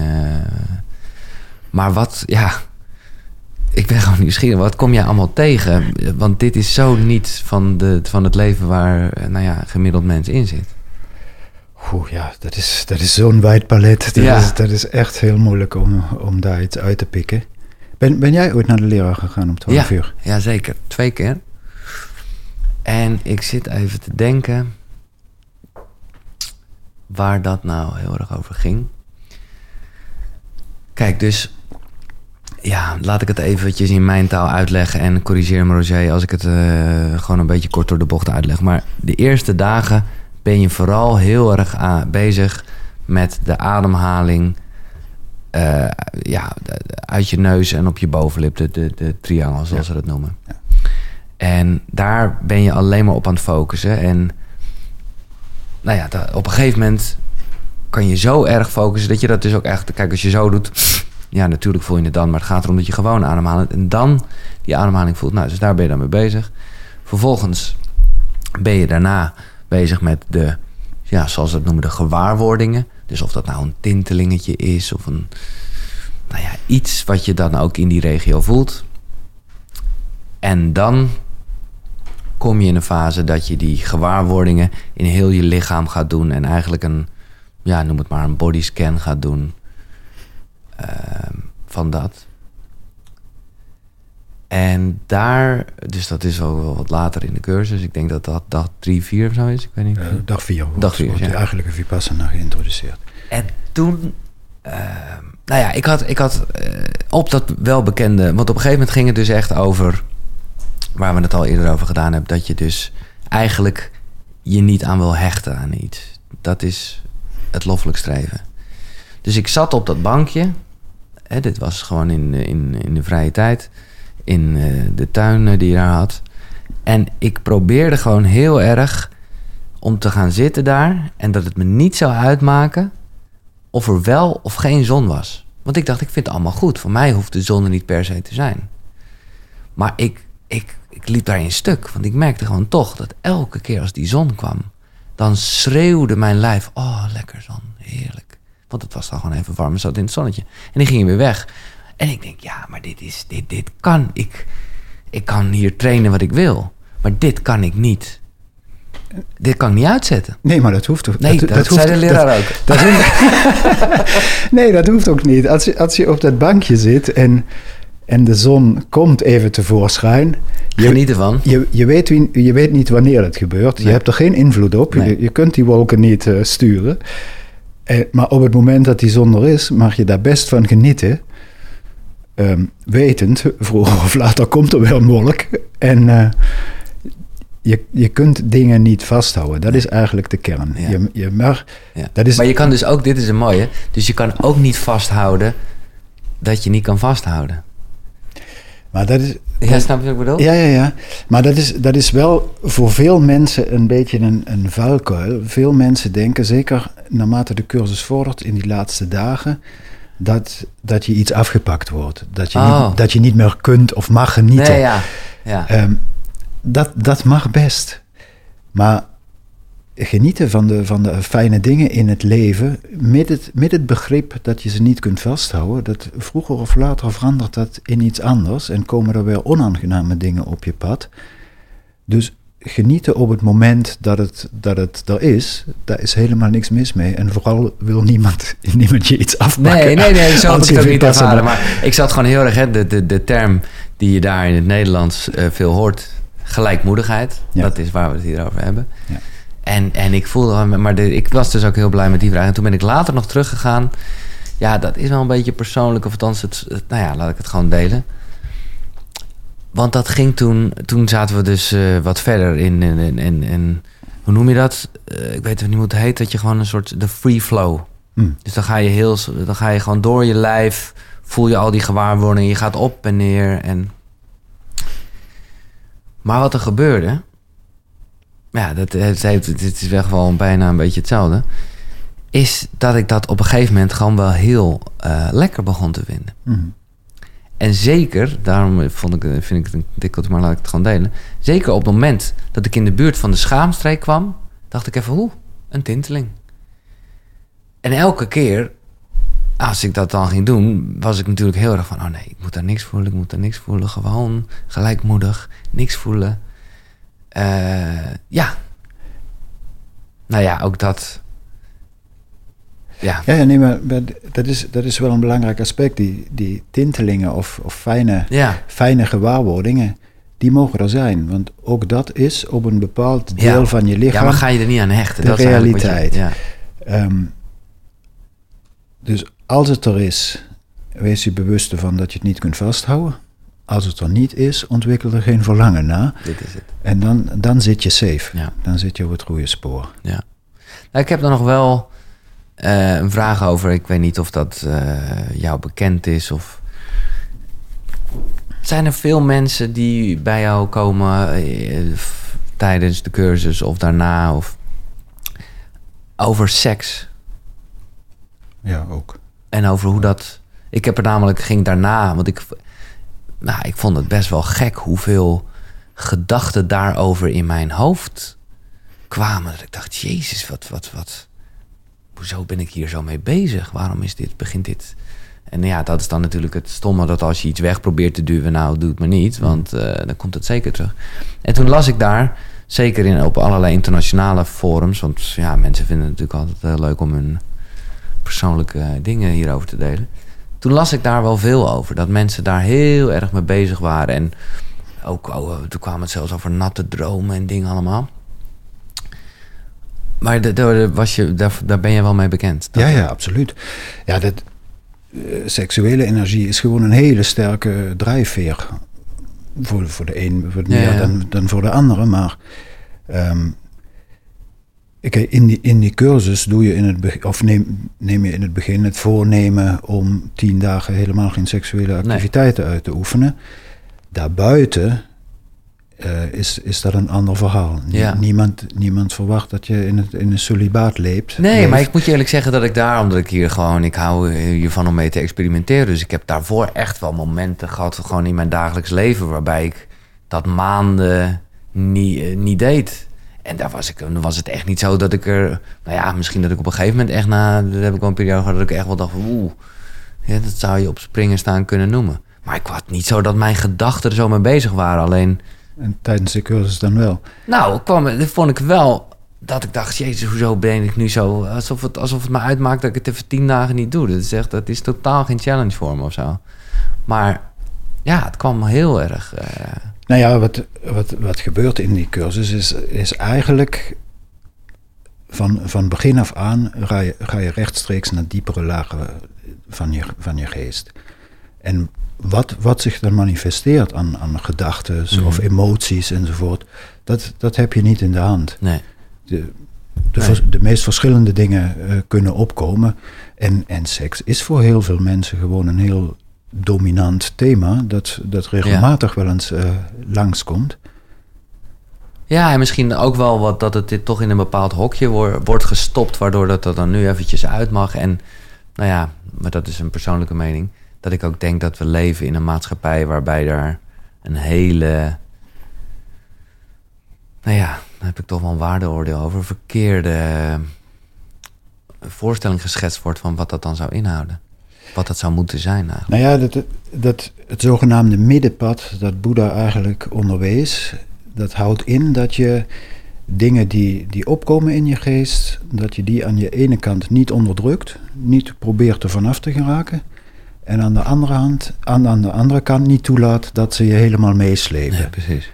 En, en dat, dat midden, dat is, dat is eigenlijk het puur observeren. Ja, Je bent je bewust, oh, nu zit mijn geest vol met gedachten rond het, rond het thema seks. En als je dat gewoon zo, zo accepteert, dan merk je vroeger of later, oh, het is weg. En, het en er is weer ja. iets anders in de plaats gekomen. ja. En dat is mede een reden waarom mensen daar van, van half vijf 's ochtends tot negen uur 's avonds zitten. Om, om echt dat palet aan gedachten en emoties, wat, wat komt, een tijdje blijft en weer gaat. Om, om, om die, die flow, dat ontstaan en vergaan, echt te, Observeren. te observeren. Ja. ja, dat is ook echt precies wat het is. En zeker omdat er zoveel tijd is. Eh, hè, want je gaat tenminste, eh, als ik naar mezelf kijk in het begin. Ik denk dat ik de eerste dag en misschien ook wel de tweede dag. Echt wel actief aan het denken ben geweest. Maar vond ik ook even heerlijk. Ik dacht, ik, ik heb mijn hele leven in tijdlijnen gezien. Waar, zo, waar ik nog nooit de rust heb genomen om over Mhm. na te denken. Ja. Vond ik top. Ja, het, als, als we eens even naar het begin van de cursus gaan. Wat, wat gebeurt er op, op de zogenaamde dag nul, de dag dat je aankomt? Dan komt gelijk voor veel mensen een gigantisch obstakel. Want dan- dan wordt je gevraagd je smartphone uit te zetten en Ja. in te leveren. En die gaat dan de komende tien dagen een kluis in. Nou, dat is, dat is voor sommige mensen, en, en meer en meer de laatste Ja. jaren, echt een enorme stap. Dat heb je wel zien gebeuren natuurlijk, ja. Dat, ja, en, en vooral de mensen die daar zitten, die die inschrijvingen regelen, die kunnen daar echt hele smeuïge verhalen over vertellen. Over al die excuses die ze, die ze mogen aanhoren. eh, waarom die persoon juist niet afstand kan doen daarvan. Nou ja, maar daar zijn we onverbiddelijk. Dat, Ja. dat gaat gewoon niet. Dan, je gaat, je gaat de meditatiezaal eh, in. Je, je legt een bepaalde ethische basis, die, die ethische code, een moreel kompas, Ja. of hoe je het ook wil noemen. En dan komen de eerste meditatie-instructies. En de, eerste is, ga zitten in een gemakkelijke houding. Eh, de mensen die kunnen zitten in de kleermakers zit of op zo'n bankje. Degene die dat niet kunnen op een stoel, maar in een gemakkelijke houding. Rugrecht. En breng je aandacht naar de, naar de ademhaling in dat kleine gebied. Nou, dan, dat lukt één seconde en je, bent, je bent ergens afgedwaald. Dan komt de tweede instructie. Zodra je merkt dat je aandacht is afgedwaald en niet met het object van je meditaties, breng hem terug, zonder te oordelen. Bam. En daar zit je direct, daar zit je direct bij je eigen gedragspatronen. Ja. Want wat gebeurt er? Zodra je merkt, misschien ben je tien minuten, een kwartier ergens in de wolken geweest, in het verleden, of plannen voor de toekomst, wat dan ook. En op een gegeven moment merk je, ik ben niet, eh, ben niet aan het doen. Wat. En veel mensen beginnen dan gelijk te oordelen. Ja. Raken gefrustreerd, worden kwaad, worden verdrietig. En dan ben je eigenlijk al rechtstreeks op het niveau waar je eigen gedragspatronen zich tonen en waar je de kans krijgt om daaraan te werken. Ja. En dat is eigenlijk het moeilijkste wat je kunt doen in dit leven. Dat is aan je eigen gedragspatronen gaan sleutelen. ja. Maar het kan wel. Ja, het kan. En dat, dat begint rechtstreeks. Dat begint bij minuut één eigenlijk Ja. van de cursus. En dat gaat eh, tien dagen door. Waarom, eh, want daar zal je dan ook gesprekken mee hebben. Waarom geven mensen op? Wat is, wat is de meest gehoorde reden? Goh, ja, dat is, dat is ook een... eh, eh, ik snap, ik snap het. Ik bedoel, dat is, zit ook nou gewoon niet in mijn aard. Dus misschien is het ook bijna een ego-ding, waardoor, ik- het sowieso niet zou doen. Maar ik kan me gewoon echt niet voorstellen. Is het alleen maar omdat je gewoon nog benieuwd bent naar wat Goenka vanavond de avond te vertellen heeft. En gewoon dat proces. Ja, je, ja dat is toch. Ja, ik, ik, kan, ik kan het echt niet voorstellen dat je dat proces wil stoppen. Ja, eh, dat, dat is dus ook... Wij, wij vragen mensen ook echt die komen om een commitment met zichzelf eh, te sluiten. Dat ze echt Tien een, dagen. een verre ja. kans geven en dat, en dat tien dagen lang eh, volhouden. En dan toch, soms, soms op de eerste dag, dan komen mensen en zeggen: Oh nee, dat is niks voor mij. En eh, ik, had, ik had iets heel anders in gedachten, of ik was helemaal niet voorbereid. Hmm. Want op het inschrijfformulier vragen wij altijd van hoe heb je uh, gehoord over Ja, ja, Vipassana. Ja. En de mensen, en ik, ik denk dat jij dat ook had, die, die schrijven ja, een vriend van mij of, of mijn, Ja. moeder, mijn moeder is geweest of die en die heeft me erover verteld. En dan weet je eigenlijk gelijk, oh die mensen zijn voorbereid. Want die hebben contact gehad met, met anderen die, die eerder geweest zijn. Maar veel mensen googelen gewoon en eh, Nee, het, eerste beste wat opkomt. En oh, en dit is ook nog gratis, ja, daar gaan we naartoe. En die, die bereiden zich helemaal niet voor. En, en, en hebben dan op de eerste dag zoiets van, waar ben ik hier beland? Eh, en, en lopen gelijk weer weg. En andere mensen blijven, blijven wel de, de hele Anapana-periode, maar Ja. het ontbreekt dan aan de, de kracht, als je zo wil, om, om ook de Vipassana in te gaan. Ehm, en, en weer anderen kunnen wel een paar dagen in Vipassana oefenen en dan wordt het te veel.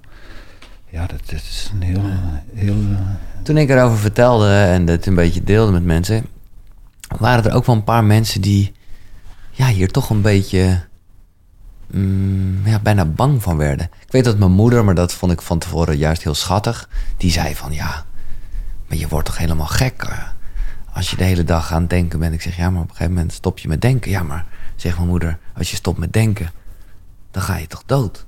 Want je moet toch ook weten. Nou, ik zeg nee, man, dan ga je dus helemaal niet dood. Want je, dat ademhalen gaat echt wel van nature. Hoef je echt niet over na te denken, toch? Nou ja, ik heb er echt daardoor een mooi gesprek met haar over gehad. Maar ik voelde wel, dat, eh, dat was niet zozeer bij mijn moeder, maar bij andere mensen wel, bijna een soort angst. Alsof je jezelf echt gek zou kunnen maken in zo'n week.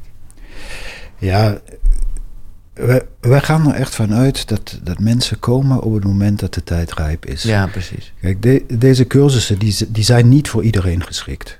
Het, daar, daar hebben we het al even over gehad. Het is een hele diepgaande ervaring, een gigantische confrontatie met jezelf. En veel mensen zeggen van, oh, die stilte, dat kan ik me echt niet voorstellen. Maar dat zijn eigenlijk maar hele kleine Aspecten, randverschijnselen, ja. Ja, ja. kleine aspecten. Dat, eh, dan zit je nog lang niet bij, bij, de eigenlijke, bij de eigenlijke klus die je gaat Nee. klaren. Nee, dat is wel het minst moeilijke van het ding, ja. Maar goed, zolang, zolang Ja. je die angst hebt, Ja, eh, is het misschien nog niet het moment nee. om, om te komen.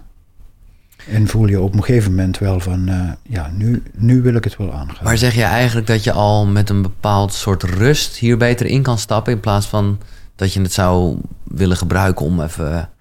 eh, Nee, nee, nee, nee. eh, Nee. nee je hoeft- in, in principe is er, is er geen enkele voorbereiding nodig Nee. of vereist.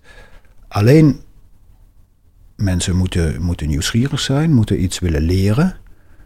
En, en toch wel het, het commitment maken, ik ga dit proberen. Ja, precies, en ik ga dat proberen voor tien dagen. Ja, Want het is, het is heel, vaak, heel vaak zo dat eh, mensen die komen dan naar je toe en zeggen van ja, ik breek af. Want mijn meditatie is niet goed en thuis heb ik heel veel te doen. en, de- en soms merk je dan, ja, mensen willen eigenlijk niet weg. Ze zitten gewoon even, ze, hebben- proces, ze hebben het ja. moeilijk. En de, de eerste logische gedachte is dan, oh ja, mijn meditatie is niet goed, dan kan ik beter naar huis gaan, want daar ligt nog dit en dat op me te wachten. Maar zolang er een kleine opening is, kun je mensen wel overtuigen dat het geen, geen goed idee is en om, om voor te zetten. Maar soms is het ook zo dat mensen al eh, in jeans en in Ja, zo'n leren jack aan alleen maar even gedag komen zeggen. Ja, en dan, ja. dan, dan kun je niks, dan kun je alleen nog nee, een, zonde. Maar ik een goede, goede thuisreis wensen. Ja. Heb jij het gevoel dat we in een tijd leven waarbij er meer vraag eh, is dan ooit? Goh, ja, ik, ik, denk het, ik denk het bijna wel. Want we hadden het straks al even over, over die voorspelling die er was, dat 2.500 Ja, ja, ja. jaar. En ehm, in Tibet was ook een hele mooie eh, eh, voorspelling. Die, die is qua jaartal minder precies, maar ik vind hem wel heel poëtisch. Die zeiden van... eh, When the iron bird flies and horses run on wheels, the Dharma will spread all over the world. En dat is dus, dat is dus wat, wat Nou, ja, sinds wel- een paar decennia aan het gebeuren is. De, de, de Dharma, de teachings uit, uit India, uit het oosten, uit Japan, eh, verschillende tradities, het verspreidt zich over de hele wereld. En, eh, en de wachtlijsten zijn groot. Ja. Dus leven, we- leven we in een goede tijd? in de zin van dat heel veel mogelijkheden er zijn, leven we in een hele goede tijd. Want in, in de Vipassana-cursus hoor je ook uh, die verhalen van een, een, Amerikaanse wetenschapper die naar Burma ging voor zijn eerste cursus. Ja. Maar in de jaren 50 moest je dus echt ja, per toeval of hoe dan ook in Burma terechtkomen, wilde je zo'n cursus doen. Nu kun je dat over de hele wereld ja, volgen. Ja. Heb jij daar nog zelf, of, of heb je die behoefte helemaal niet om dit ook nog wetenschappelijk te toetsen? Ik merk dat ja, uh, veel mensen, zeker in het Westen, wel die behoefte hebben. En er wordt een soort, nou ja, met die gewaarwordingen wordt, nou, het wordt niet zo gezegd door Coenca, maar er wordt in ieder geval wel de, de insinuatie gelegd alsof dat ook echt daadwerkelijk, uh, nou ja, bijna chemische reacties zijn die je dan voelt of zo. Hè? Waarvan je kan zeggen, hè, waar je met, met, met, met de wetenschap in je hand van, nou, dat kan niet. Um, ja, heb je, ben je daarmee bezig? Uh, niet, niet echt. Nee, nee, ik, nee, nee, nee, ik, ben, ik ben veel meer uh, uh, in, die, in die zin op de Oosterse manier bezig. De, de directe ervaring. Ja. Ik, ik hoef dat niet met apparaten nee, na te kunnen bootsen om, om, te, om, om iets te bewijzen. Ik, ik vind dat geen belangrijk aspect. Je hebt, als je, als je waspoeder in je wasmachine doet, het is genoeg om te weten dat, dat je, was, je was daarmee schoon wordt. Welke chemische formule precies uh, daarachter zit en hoe dat samen is gesteld, dat hoef, dat hoef ik niet te weten. En nogmaals, voor, voor mensen die het interessant vinden, is, is prima. Ik bedoel, als je ziet dat uh, in Zwitserland het CERN gebouwd is, waar je een deeltjesversneller hebt, om de subatomaire deeltjes waar Boeddha 2.500 jaar geleden al over had, om die op een microscopisch niveau zichtbaar te maken. Dan denk ik van ja, voor wie dat leuk vindt, ja, is, is, dat prima. Maar om, om van, wat, wat Boeddha zei, om van de ellende af te geraken, is dat niet nodig. Is, het, is het genoeg als je gaat zitten en je richt je aandacht naar binnen en je past een methode toe waarmee je je geest uh, kunt zuiveren. Ach, ik merk, we zijn alweer lang aan het praten, Roger. Ik, ik, nee, maar ik vind, het, ik vind het fascinerend, ook omdat ik het natuurlijk uh, nou ja, heb meegemaakt. En ik, ik, ik, ik geloof er gewoon heel erg in. Of ja, het is niet eens een geloof, het is precies wat je zegt, een ervaring. Ik doe nog één kleine plaspauze en dan... Uh, oh ja, dan heb ik nog wel een paar vragen. Oké. Okay. Laat ik om te beginnen even zeggen, dat bedacht ik me wel uh, net even tijdens het plassen. Altijd goed even overzichtsmomentje. Het is een kleine...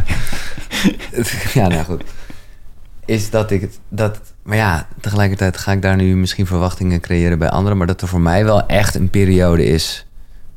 van voor de Vipassana en van na de Vipassana. Dat is wel echt. Nou ja, ja dat, is, dat is ontzettend aanwezig. En in welke zin? Nou, dat je. En dat is natuurlijk eh, voor mezelf wel een, een proces wat ik al in gang was gezet. En dit was daar misschien even een, een ja, een, ja, een belangrijk moment in. Dat je dus heel erg bewust bent van de gedachten en hoe, die, hoe je niet altijd je gedachten bent, maar dat die er gewoon kunnen zijn en je ook die weer kan laten gaan. En om gewoon, of ja, gewoon, zo gewoon is dat helaas niet, om het gewoon heel, ja, om bij de feiten te houden. Hmm. Hoe het zit, niet met allerlei bijvoeglijkheid eraan en aannames of zoals mensen zouden kunnen reageren of, zoals je, of je, wat je zelf hebt ingeprent gekregen hoe dingen werken. En als je dan even echt, nou ja, ik, maak toch maar weer een beetje de helikopterview, dat gebaar. Ja, daar kan ik gewoon sneller naar terug. En uh, heeft mij, ik, ik heb echt een paar uh, dingen daar bedacht over hoe ik die ging veranderen. En dat heb ik ook gedaan. Ik heb best wel bijna dat ik even dacht, nou laat ik eerst even weer een beetje in de gewone wereld komen, noem ik het maar even. Maar vind ik het echt nog steeds, voel ik het echt nog steeds zo? Ja, absoluut. Dus ik heb, uh, ja, ik heb daar echt wel ook gewoon dingen in veranderd in mijn leven.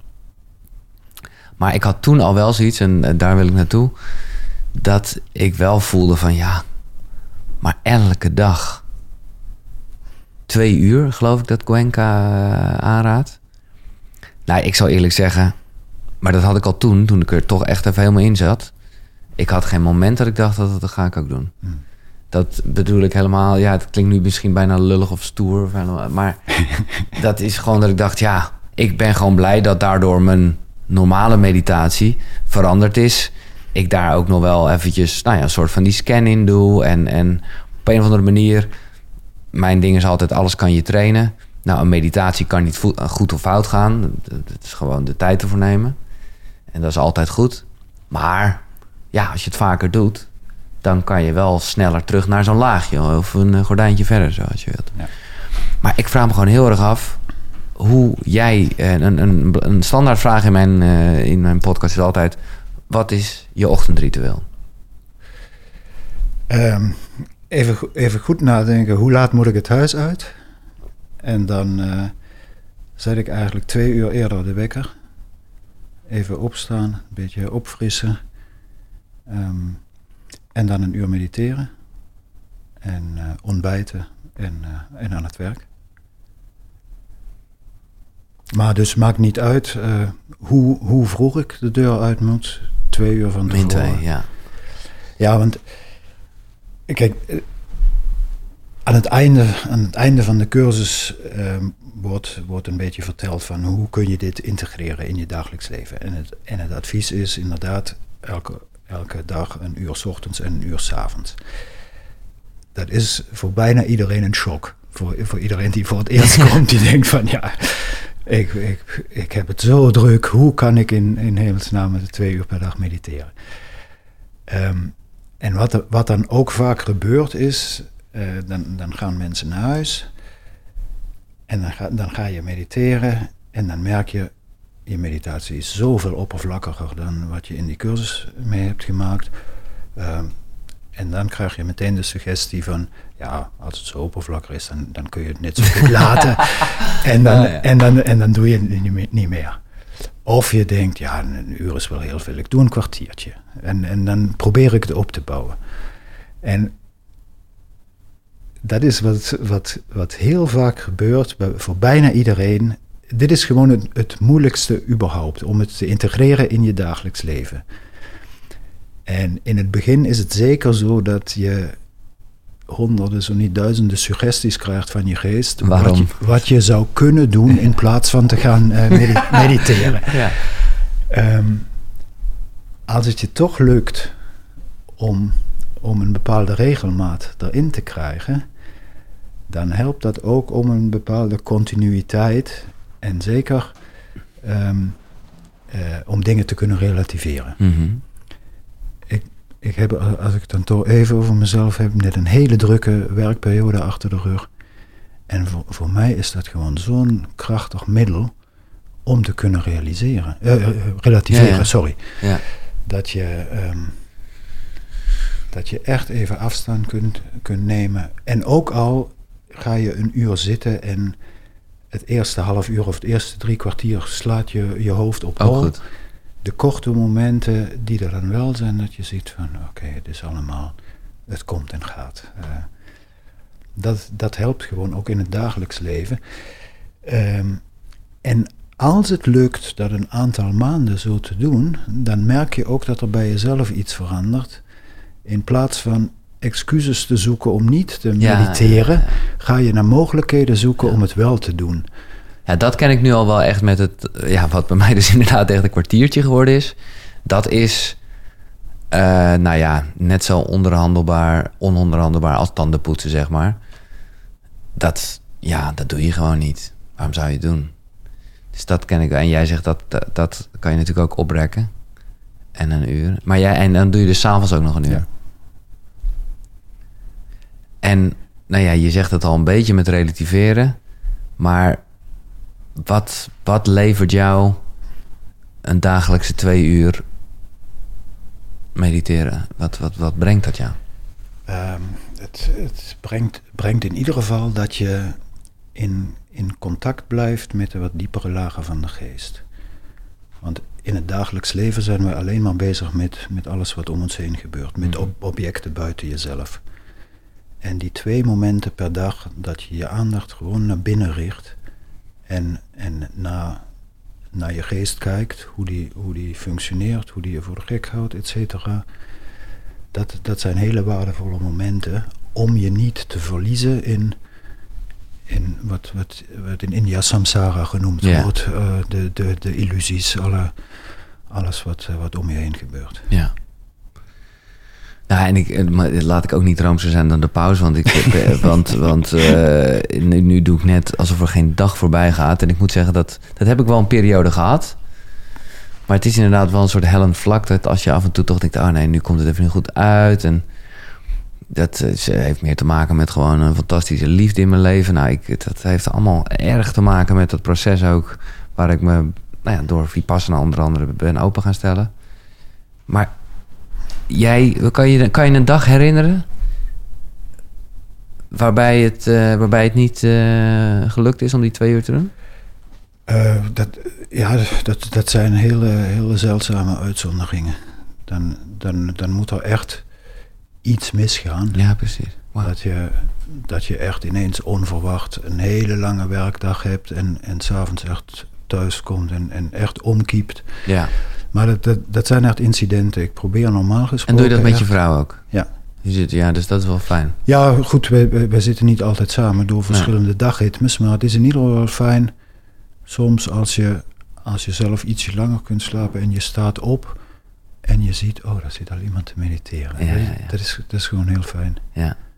En, je- en de meditatie is dan echt, eh, nou ja, observeren van je lichaam, je gedachten, in, eh, in- wat je ruikt, wat je... in eerste instantie je, je, je aandacht naar binnen richten Ja. en proberen de geest een beetje te focussen. Ehm, en dan zodra, zodra de geest gevoelig genoeg is, echt naar de gewaarwordingen. Ja. Ehm, kijk, een, een mooie... Jij zei net al, niks is zo moeilijk als je gedachtenpatronen aanpassen. Het kan dus wel. En er wordt een mooie link gelegd met... Heet het nou Sankara? De, de, de, de patronen, de rivieren, zeg maar. ja, Die- dat is, dat is de Pali-term voor de conditionering van je geest. Ja. Dus, de sankara, je, je mentale reacties. Ja. En nou ja, die zijn er. En, en ik vind het, ik zal nooit vergeten. Er zijn een aantal supermooie vergelijkingen die ik nog dagelijks in mijn hoofd heb. Of mm, anekdotisch eh, hoor ik dan die Koenka weer eh, de- dat vertellen. Maar ik voelde wel, welke me nu eventjes te binnen schiet, is dat op het moment dat je ja, een zaadje plant, dan komen daar eh, ja, ja, heel veel eh, dingen uit. En dat geldt ook dus voor ja, negatieve dingen, zou je, zou je kunnen zeggen. Dat is op een gegeven moment, herinner ik me dat, dat hij zo'n verhaal vertelt. En dan snap ik dus wel heel erg dat je jezelf kan trainen met, nou ja, wie goed doet, goed ontmoet. Dan kom je een beetje in een karma-achtige toestand. En, en, maar, ja, hoe zou ik het zeggen? Waar ik het een beetje te groot vond worden en ook bijna, ja, te, ja, niet te doen. eh, is op het moment dat hij vertelt dat je ook nog veel van die patronen hebt die niet ineens van jou zijn. Maar dat die, die zitten dan in je van ouders, voorouders. En pas als je die ook allemaal op eh, hè, hebt laten verdampen, ja, dan is het een keer klaar. Ja, het is, een, het is een lange weg en een geleidelijk proces. Ja. ja. Ja, Nee, nogmaals, het moet ook weer niet zo streven zijn, dus dat weet ik ook. Dus daarom eh, vind ik het ook leuk om het juist zo te brengen. Maar Ja. ja. Maar, maar, maar dan, ja, heb jij dat aan de hand genomen? Jij bent lekker bezig met, met eh, pellen of eh, de, de gordijnenlink die je maakte, de doeken. Maar kom je dan ook dingen tegen die helemaal niet van jou zijn?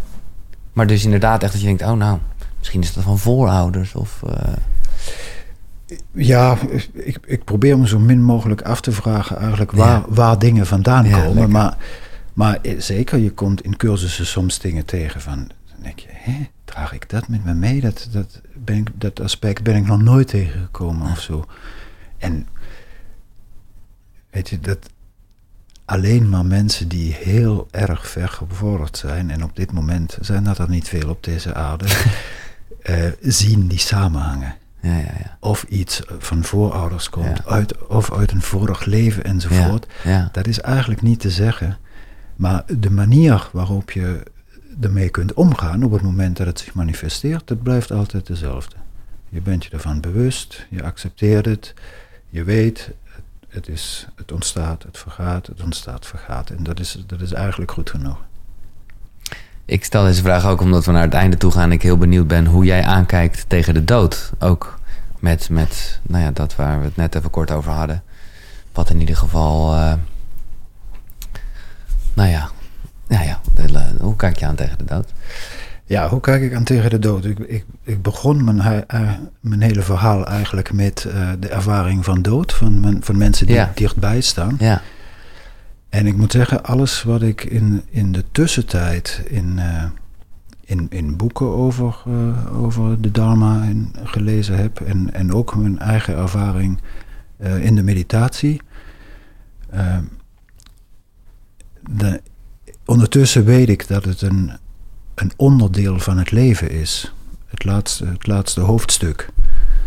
Daar, daar kom je niet onderuit. Het, het hoort er gewoon bij het leven. En voor de ene komt het vroeger en voor de andere later. En we weten ook met, met geliefde mensen om ons heen, vroeger of later moeten we elkaar los kunnen laten. En daarin helpt die oefening mij ontzettend. Ja, als het om, om daar vergankelijkheid gaat, dan... Ja. Een heldere kijk te hebben van wat, wat is het eigenlijk? Oh ja, het overkomt iedereen. Ja. En dus dat is de ene zekerheid in het leven. Het voorkomt iedereen. En de tweede zekerheid is eigenlijk, je weet niet wanneer. Nee. Tenzij je het moment zelf kiest. Maar dat is een ander verhaal. Ja. Um, dus nee, ik ben het veel meer als, als onderdeel van het leven gaan zien. En daarvoor was, was wel... Uh, de kennismaking met de Dharma nodig. Want dat had ik in westerse tradities eerder niet zo helder gehoord. Of het deed geen kwartje vallen op dat moment. Dat, dat kan ook. En we weten het natuurlijk niet, maar het is leuk om te filosoferen. Jij bent iemand die uh, ook heel nou ja, belezen is en gewoon bezig met dit soort onderwerpen, zou ik zeggen. Wat, wat denk je dat er gebeurt? Uh, voor, voor mij is wat, wat, je in, wat je in deze traditie hoort eigenlijk een hele plausibele verklaring. Ehm, wat, wat er zeker gebeurt is dat je lichaam daarmee stopt en eigenlijk op dat moment een waardeloos omhulsel is geworden. Ja. De geest, voortgedreven op, op de conditionering die, die we opgebouwd hebben, die stroomt door. Want in, in, in de leer van de Boeddha heb je het over een, een continuous mindstream. Dus de geest, zolang die nog mentale bagage met zich meedraagt, die gaat door, verbindt zich op de een of andere manier weer met materie en in de een of andere vorm gaat dat door. En, en het is niet, niet zo dat de entiteit Roger, die het in dit leven is, ook in een volgend leven weer is. Maar die, die stroom van geest, die mindstream met die bagage, daar wordt iemand in de toekomst weer mee opgezadeld. Ja, precies. Ja, dat zeg je mooi. En uh, wat hoop je dat mensen later denken over Roger? Oh. wat hoop ik dat mensen denken? Oh. Ja, het is een, uh, dat is een moeilijke vraag. Ja, klopt. uh, ik, hoop, ik hoop in ieder geval dat, uh, dat de mensen die, die dichtbij hebben gestaan... niet, niet denken dat ik hun, hun tijd verknald heb nee, of hun leven verpest. Dat, dat in ieder geval. En, en voor de rest hoop ik dat, dat iedereen zo snel mogelijk kan loslaten. Ja. En, uh, en verder gaat. Maar heb jij, want ik voel wel dat je tenminste, daarom ben ik ook heel blij dat je hier ging komen. Weet je, het is niet een onderwerp waar nou zo vrij snel ja, interviews voor gedaan worden of promotie. Het is allemaal niet nodig, weet je wel. Het is, het is, het is een, een apparaat, of nou ja, dat klinkt ook bijna te zakelijk, maar het is iets dat gewoon van nature gaat. En, ja. Ehm, maar ik voel wel een mooie ambitie, toch wel echt een passie ook om, nou ja, dit, dit toch ook te verspreiden. Ja, daar is, daar is op zich ook niks mis mee om, om erover te vertellen en het bekend te maken, toegankelijk te maken. Um, maar zoals je zei, op, uh, we maken niet echt reclame, want we, we, krijgen nu de wachtlijst al niet, nee, niet te doen. Al, al, niet weggewerkt. En dat vind ik, laat ik dat nog even zeggen, want misschien dat we hier heel veel mensen mee geïnteresseerd hebben. Het is helemaal ook, dat vind ik mooi, totale willekeur. Dus, dus ik, ik heb het daar met jou al even over gehad, of met iemand anders van de organisatie dat het gewoon echt een, een random computer is die selecteert. Dus er gaat niet iemand. Het heeft geen zin, dat zeg ik vooral tegen mezelf met terugwerkende kracht. Het heeft geen zin om die formulieren zo goed mogelijk in te vullen. Om te denken dat je dan uh, voorrang hebt of zo. Dat, of, is nog, dat is nog redelijk recent dat dit systeem eigenlijk ingevoerd moest worden. Um, en dan, dan zijn we even op een, op een heel praktisch ja. niveau. Um, het was op een gegeven moment zo dat zodra zo'n cursus, daar staat bij wanneer de inschrijvingen opengesteld worden. En op een gegeven moment merkt, merkten verschillende centra in Europa, het zijn eigenlijk alleen maar jonge mensen die nog plekken krijgen, die dus heel goed en heel snel met de computer Ja, precies. En, en, en, onze eigen generatie en zo, die dan iets trager is. En, die stonden altijd voor gesloten deuren. Dus dat, daar werd gezegd, ja, dat is gewoon niet fair. We, nee. we moeten het een, een bepaalde tijd openstellen en dan wordt gelood. En dat is, is lijkt op dit moment de, de meest faire methode. Ja. Um, en dan, dan heb, je, heb je wel nog verschillen van het ene land naar het andere. Sommige landen zitten met hele lange wachtlijsten, ja, andere ja, met iets kortere en, en zo. Maar, maar in principe is dat, is dat, uh, is dat nu de methode hoe, maar we, nog eventjes terug naar jou. Uh, daar, daar zit toch wel een soort... Ja, heb je, heb, je, heb je ambities eigenlijk? Heb ik ambities? Ja, dat klinkt een beetje als een gekke vraag nu. Natuur, maar ik bedoel meer te zeggen... ja, waar we het net over hadden, de passie om... Uh, nou ja, misschien wel de Vipassana bij zoveel mogelijk mensen. Ik merk zelf, laat ik voor mezelf spreken... ik gun het iedereen. Hoe, hoe uh, ingewikkeld het ook kan zijn, maar ja... Ga het aan, zou ik zeggen.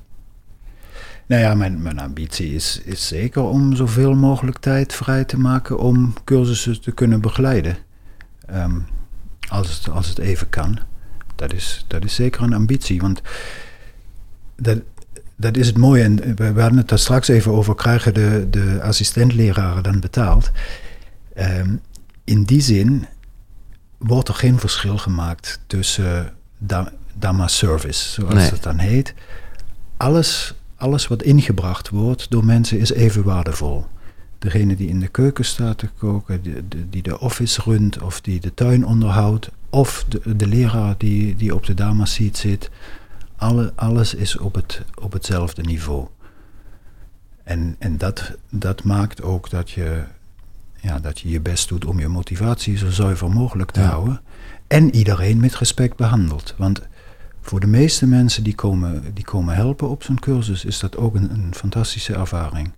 Terwijl het in de keuken echt hard werken is, ja. Die, die, dat is echt aanpoten.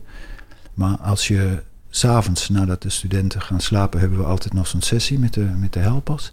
En als je dan vaak ja, moe gezichten, maar meestal blije gezichten. En zeker aan het einde van de cursus en sommige mensen hebben daar vriendschappen voor het leven gesloten. Ja, ja, ja geloof ik, ja. Door, door in zo'n team voor tien dagen te werken. Want dat is... Goenka die zegt dat dat een hele zeldzame kwaliteit is. Dat mensen, um, zodra ze de, echt de vruchten geproefd hebben van, van de Dharma... dat je dan de, de, de wens ontwikkelt om, om iets voor anderen te doen. Mm -hmm. uh, en en je, je eigen energie beschikbaar stelt en, en gaat helpen op zo'n cursus. En uh, ja, dat, daarom is het zo mooi om, om ja. al die mensen te zien. Houdt ook in dat het organisch moet groeien. Ja. Want je zei straks, ik, ik gun het iedereen. Ja. Um, maar je kunt niet zomaar nieuwe centra neerzetten. Nee, nee, nee, dat begrijp ik ook. Want je krijgt, hoeveel cursussen ook aanbiedt, je, je krijgt ze altijd vol met, ja. met kandidaten. Maar ja. je, je, moet ook die helpers, dat moet organisch groeien. Want die heb, die heb je echt nodig om zo'n cursus te kunnen runnen. Dankjewel Roger dat jij voor nu in ieder geval je energie hebt gegeven. En uh, nee, maar echt. Ik, uh, en en je, je, moet zeggen dat je mij wel stimuleert. Want ik zit dan wel van, ga ik het nog een keer doen? Ja, ik zou dat echt wel willen. Wanneer dan, weet ik niet. Maar misschien dat ik juist ook wel als uh, oud-student... want dat mag ik mezelf dan zo noemen... ook die, die rol op mij nemen. Want dan mag je toch ook wel, eens- dan mag je toch ook nog wel even mediteren. Je mag toch ook wel, zeg maar, een beetje in de keuken en een beetje... eh, Als, als je helpt. Ja, Ja, ja, ja. Die, die mensen die, die mediteren ook minimaal drie uur per dag. ja, precies. En, en voor Ja, de rest daarom. zijn het praktische taken. Dus Ik ga dat doen. Ja, dat vind ik echt mooi. ja, Nee, maar dat is, dat is een hele mooie ervaring, want dat is, dat is eigenlijk meditatie in actie. ja, ja, ja. Want je hebt wel de kans om te zitten, plus je bent die tien dagen in die atmosfeer. Ja. Dat, dat helpt ook ontzettend om, om, tuurlijk. om weer een beetje bij jezelf te komen. En daarnaast doe je gewoon praktische dingen. Ja. Het is een, eh, is een mooie mix. Ja, mooi. Meer informatie, eh Damma, dat is D-H-A-M-M-A.org. Ja, Daar staat het allemaal. En eh, ja, er is dus ook eentje in België. En er komt er eentje in Nederland. er komt binnenkort een centrum in Nederland. Ja. Top. Dankjewel, Roger. Eh, voor een fantastische ervaring ook weer hier. En ik was weer even helemaal terug en eh, lekker. Eh, en jij bedankt natuurlijk voor het luisteren, kijken wat je ook doet. Als je kijkt, dan is het YouTube. Dan kan je op abonneren klikken. Dat is gewoon handig als je het doet voor ons eigenlijk, zeg ik. Want dat vindt Google heel belangrijk. Laat ook een reactie achter. Bij YouTube kan dat. Dat kan natuurlijk ook bij iTunes. En anders dan doe je het gewoon via de social media. heb je social media eigenlijk, Roger? Denk ik niet, hè? Nee, Nee, heerlijk. heerlijk. Eh Ed Giels, tag me vooral als je bijvoorbeeld op Spotify dit checkt en eh, deel het. En deel het met de wereld. Dat zou mooi zijn. Ook deze koekeroe-vruchten, zeg maar. Bedankt voor het luisteren. Ehm, en oh ja, dat wil ik nog zeggen. Dat had ik eigenlijk aan het begin willen zeggen. Want dit heeft meer dan een jaar geleden gespeeld met eh, Koen de Jong. Die, die heeft een fantastisch boekje 10 dagen stil. Daar gaat het nog wat meer. eh, dat, eh, ik dacht, ja, dat hebben we al besproken. eh, in over nou, eigenlijk wat de Vipassana nou inhoudt. Maar we hebben het hier ook al besproken. Bedankt voor het luisteren. geval. Tot de volgende. Zonnegroet. Hoi.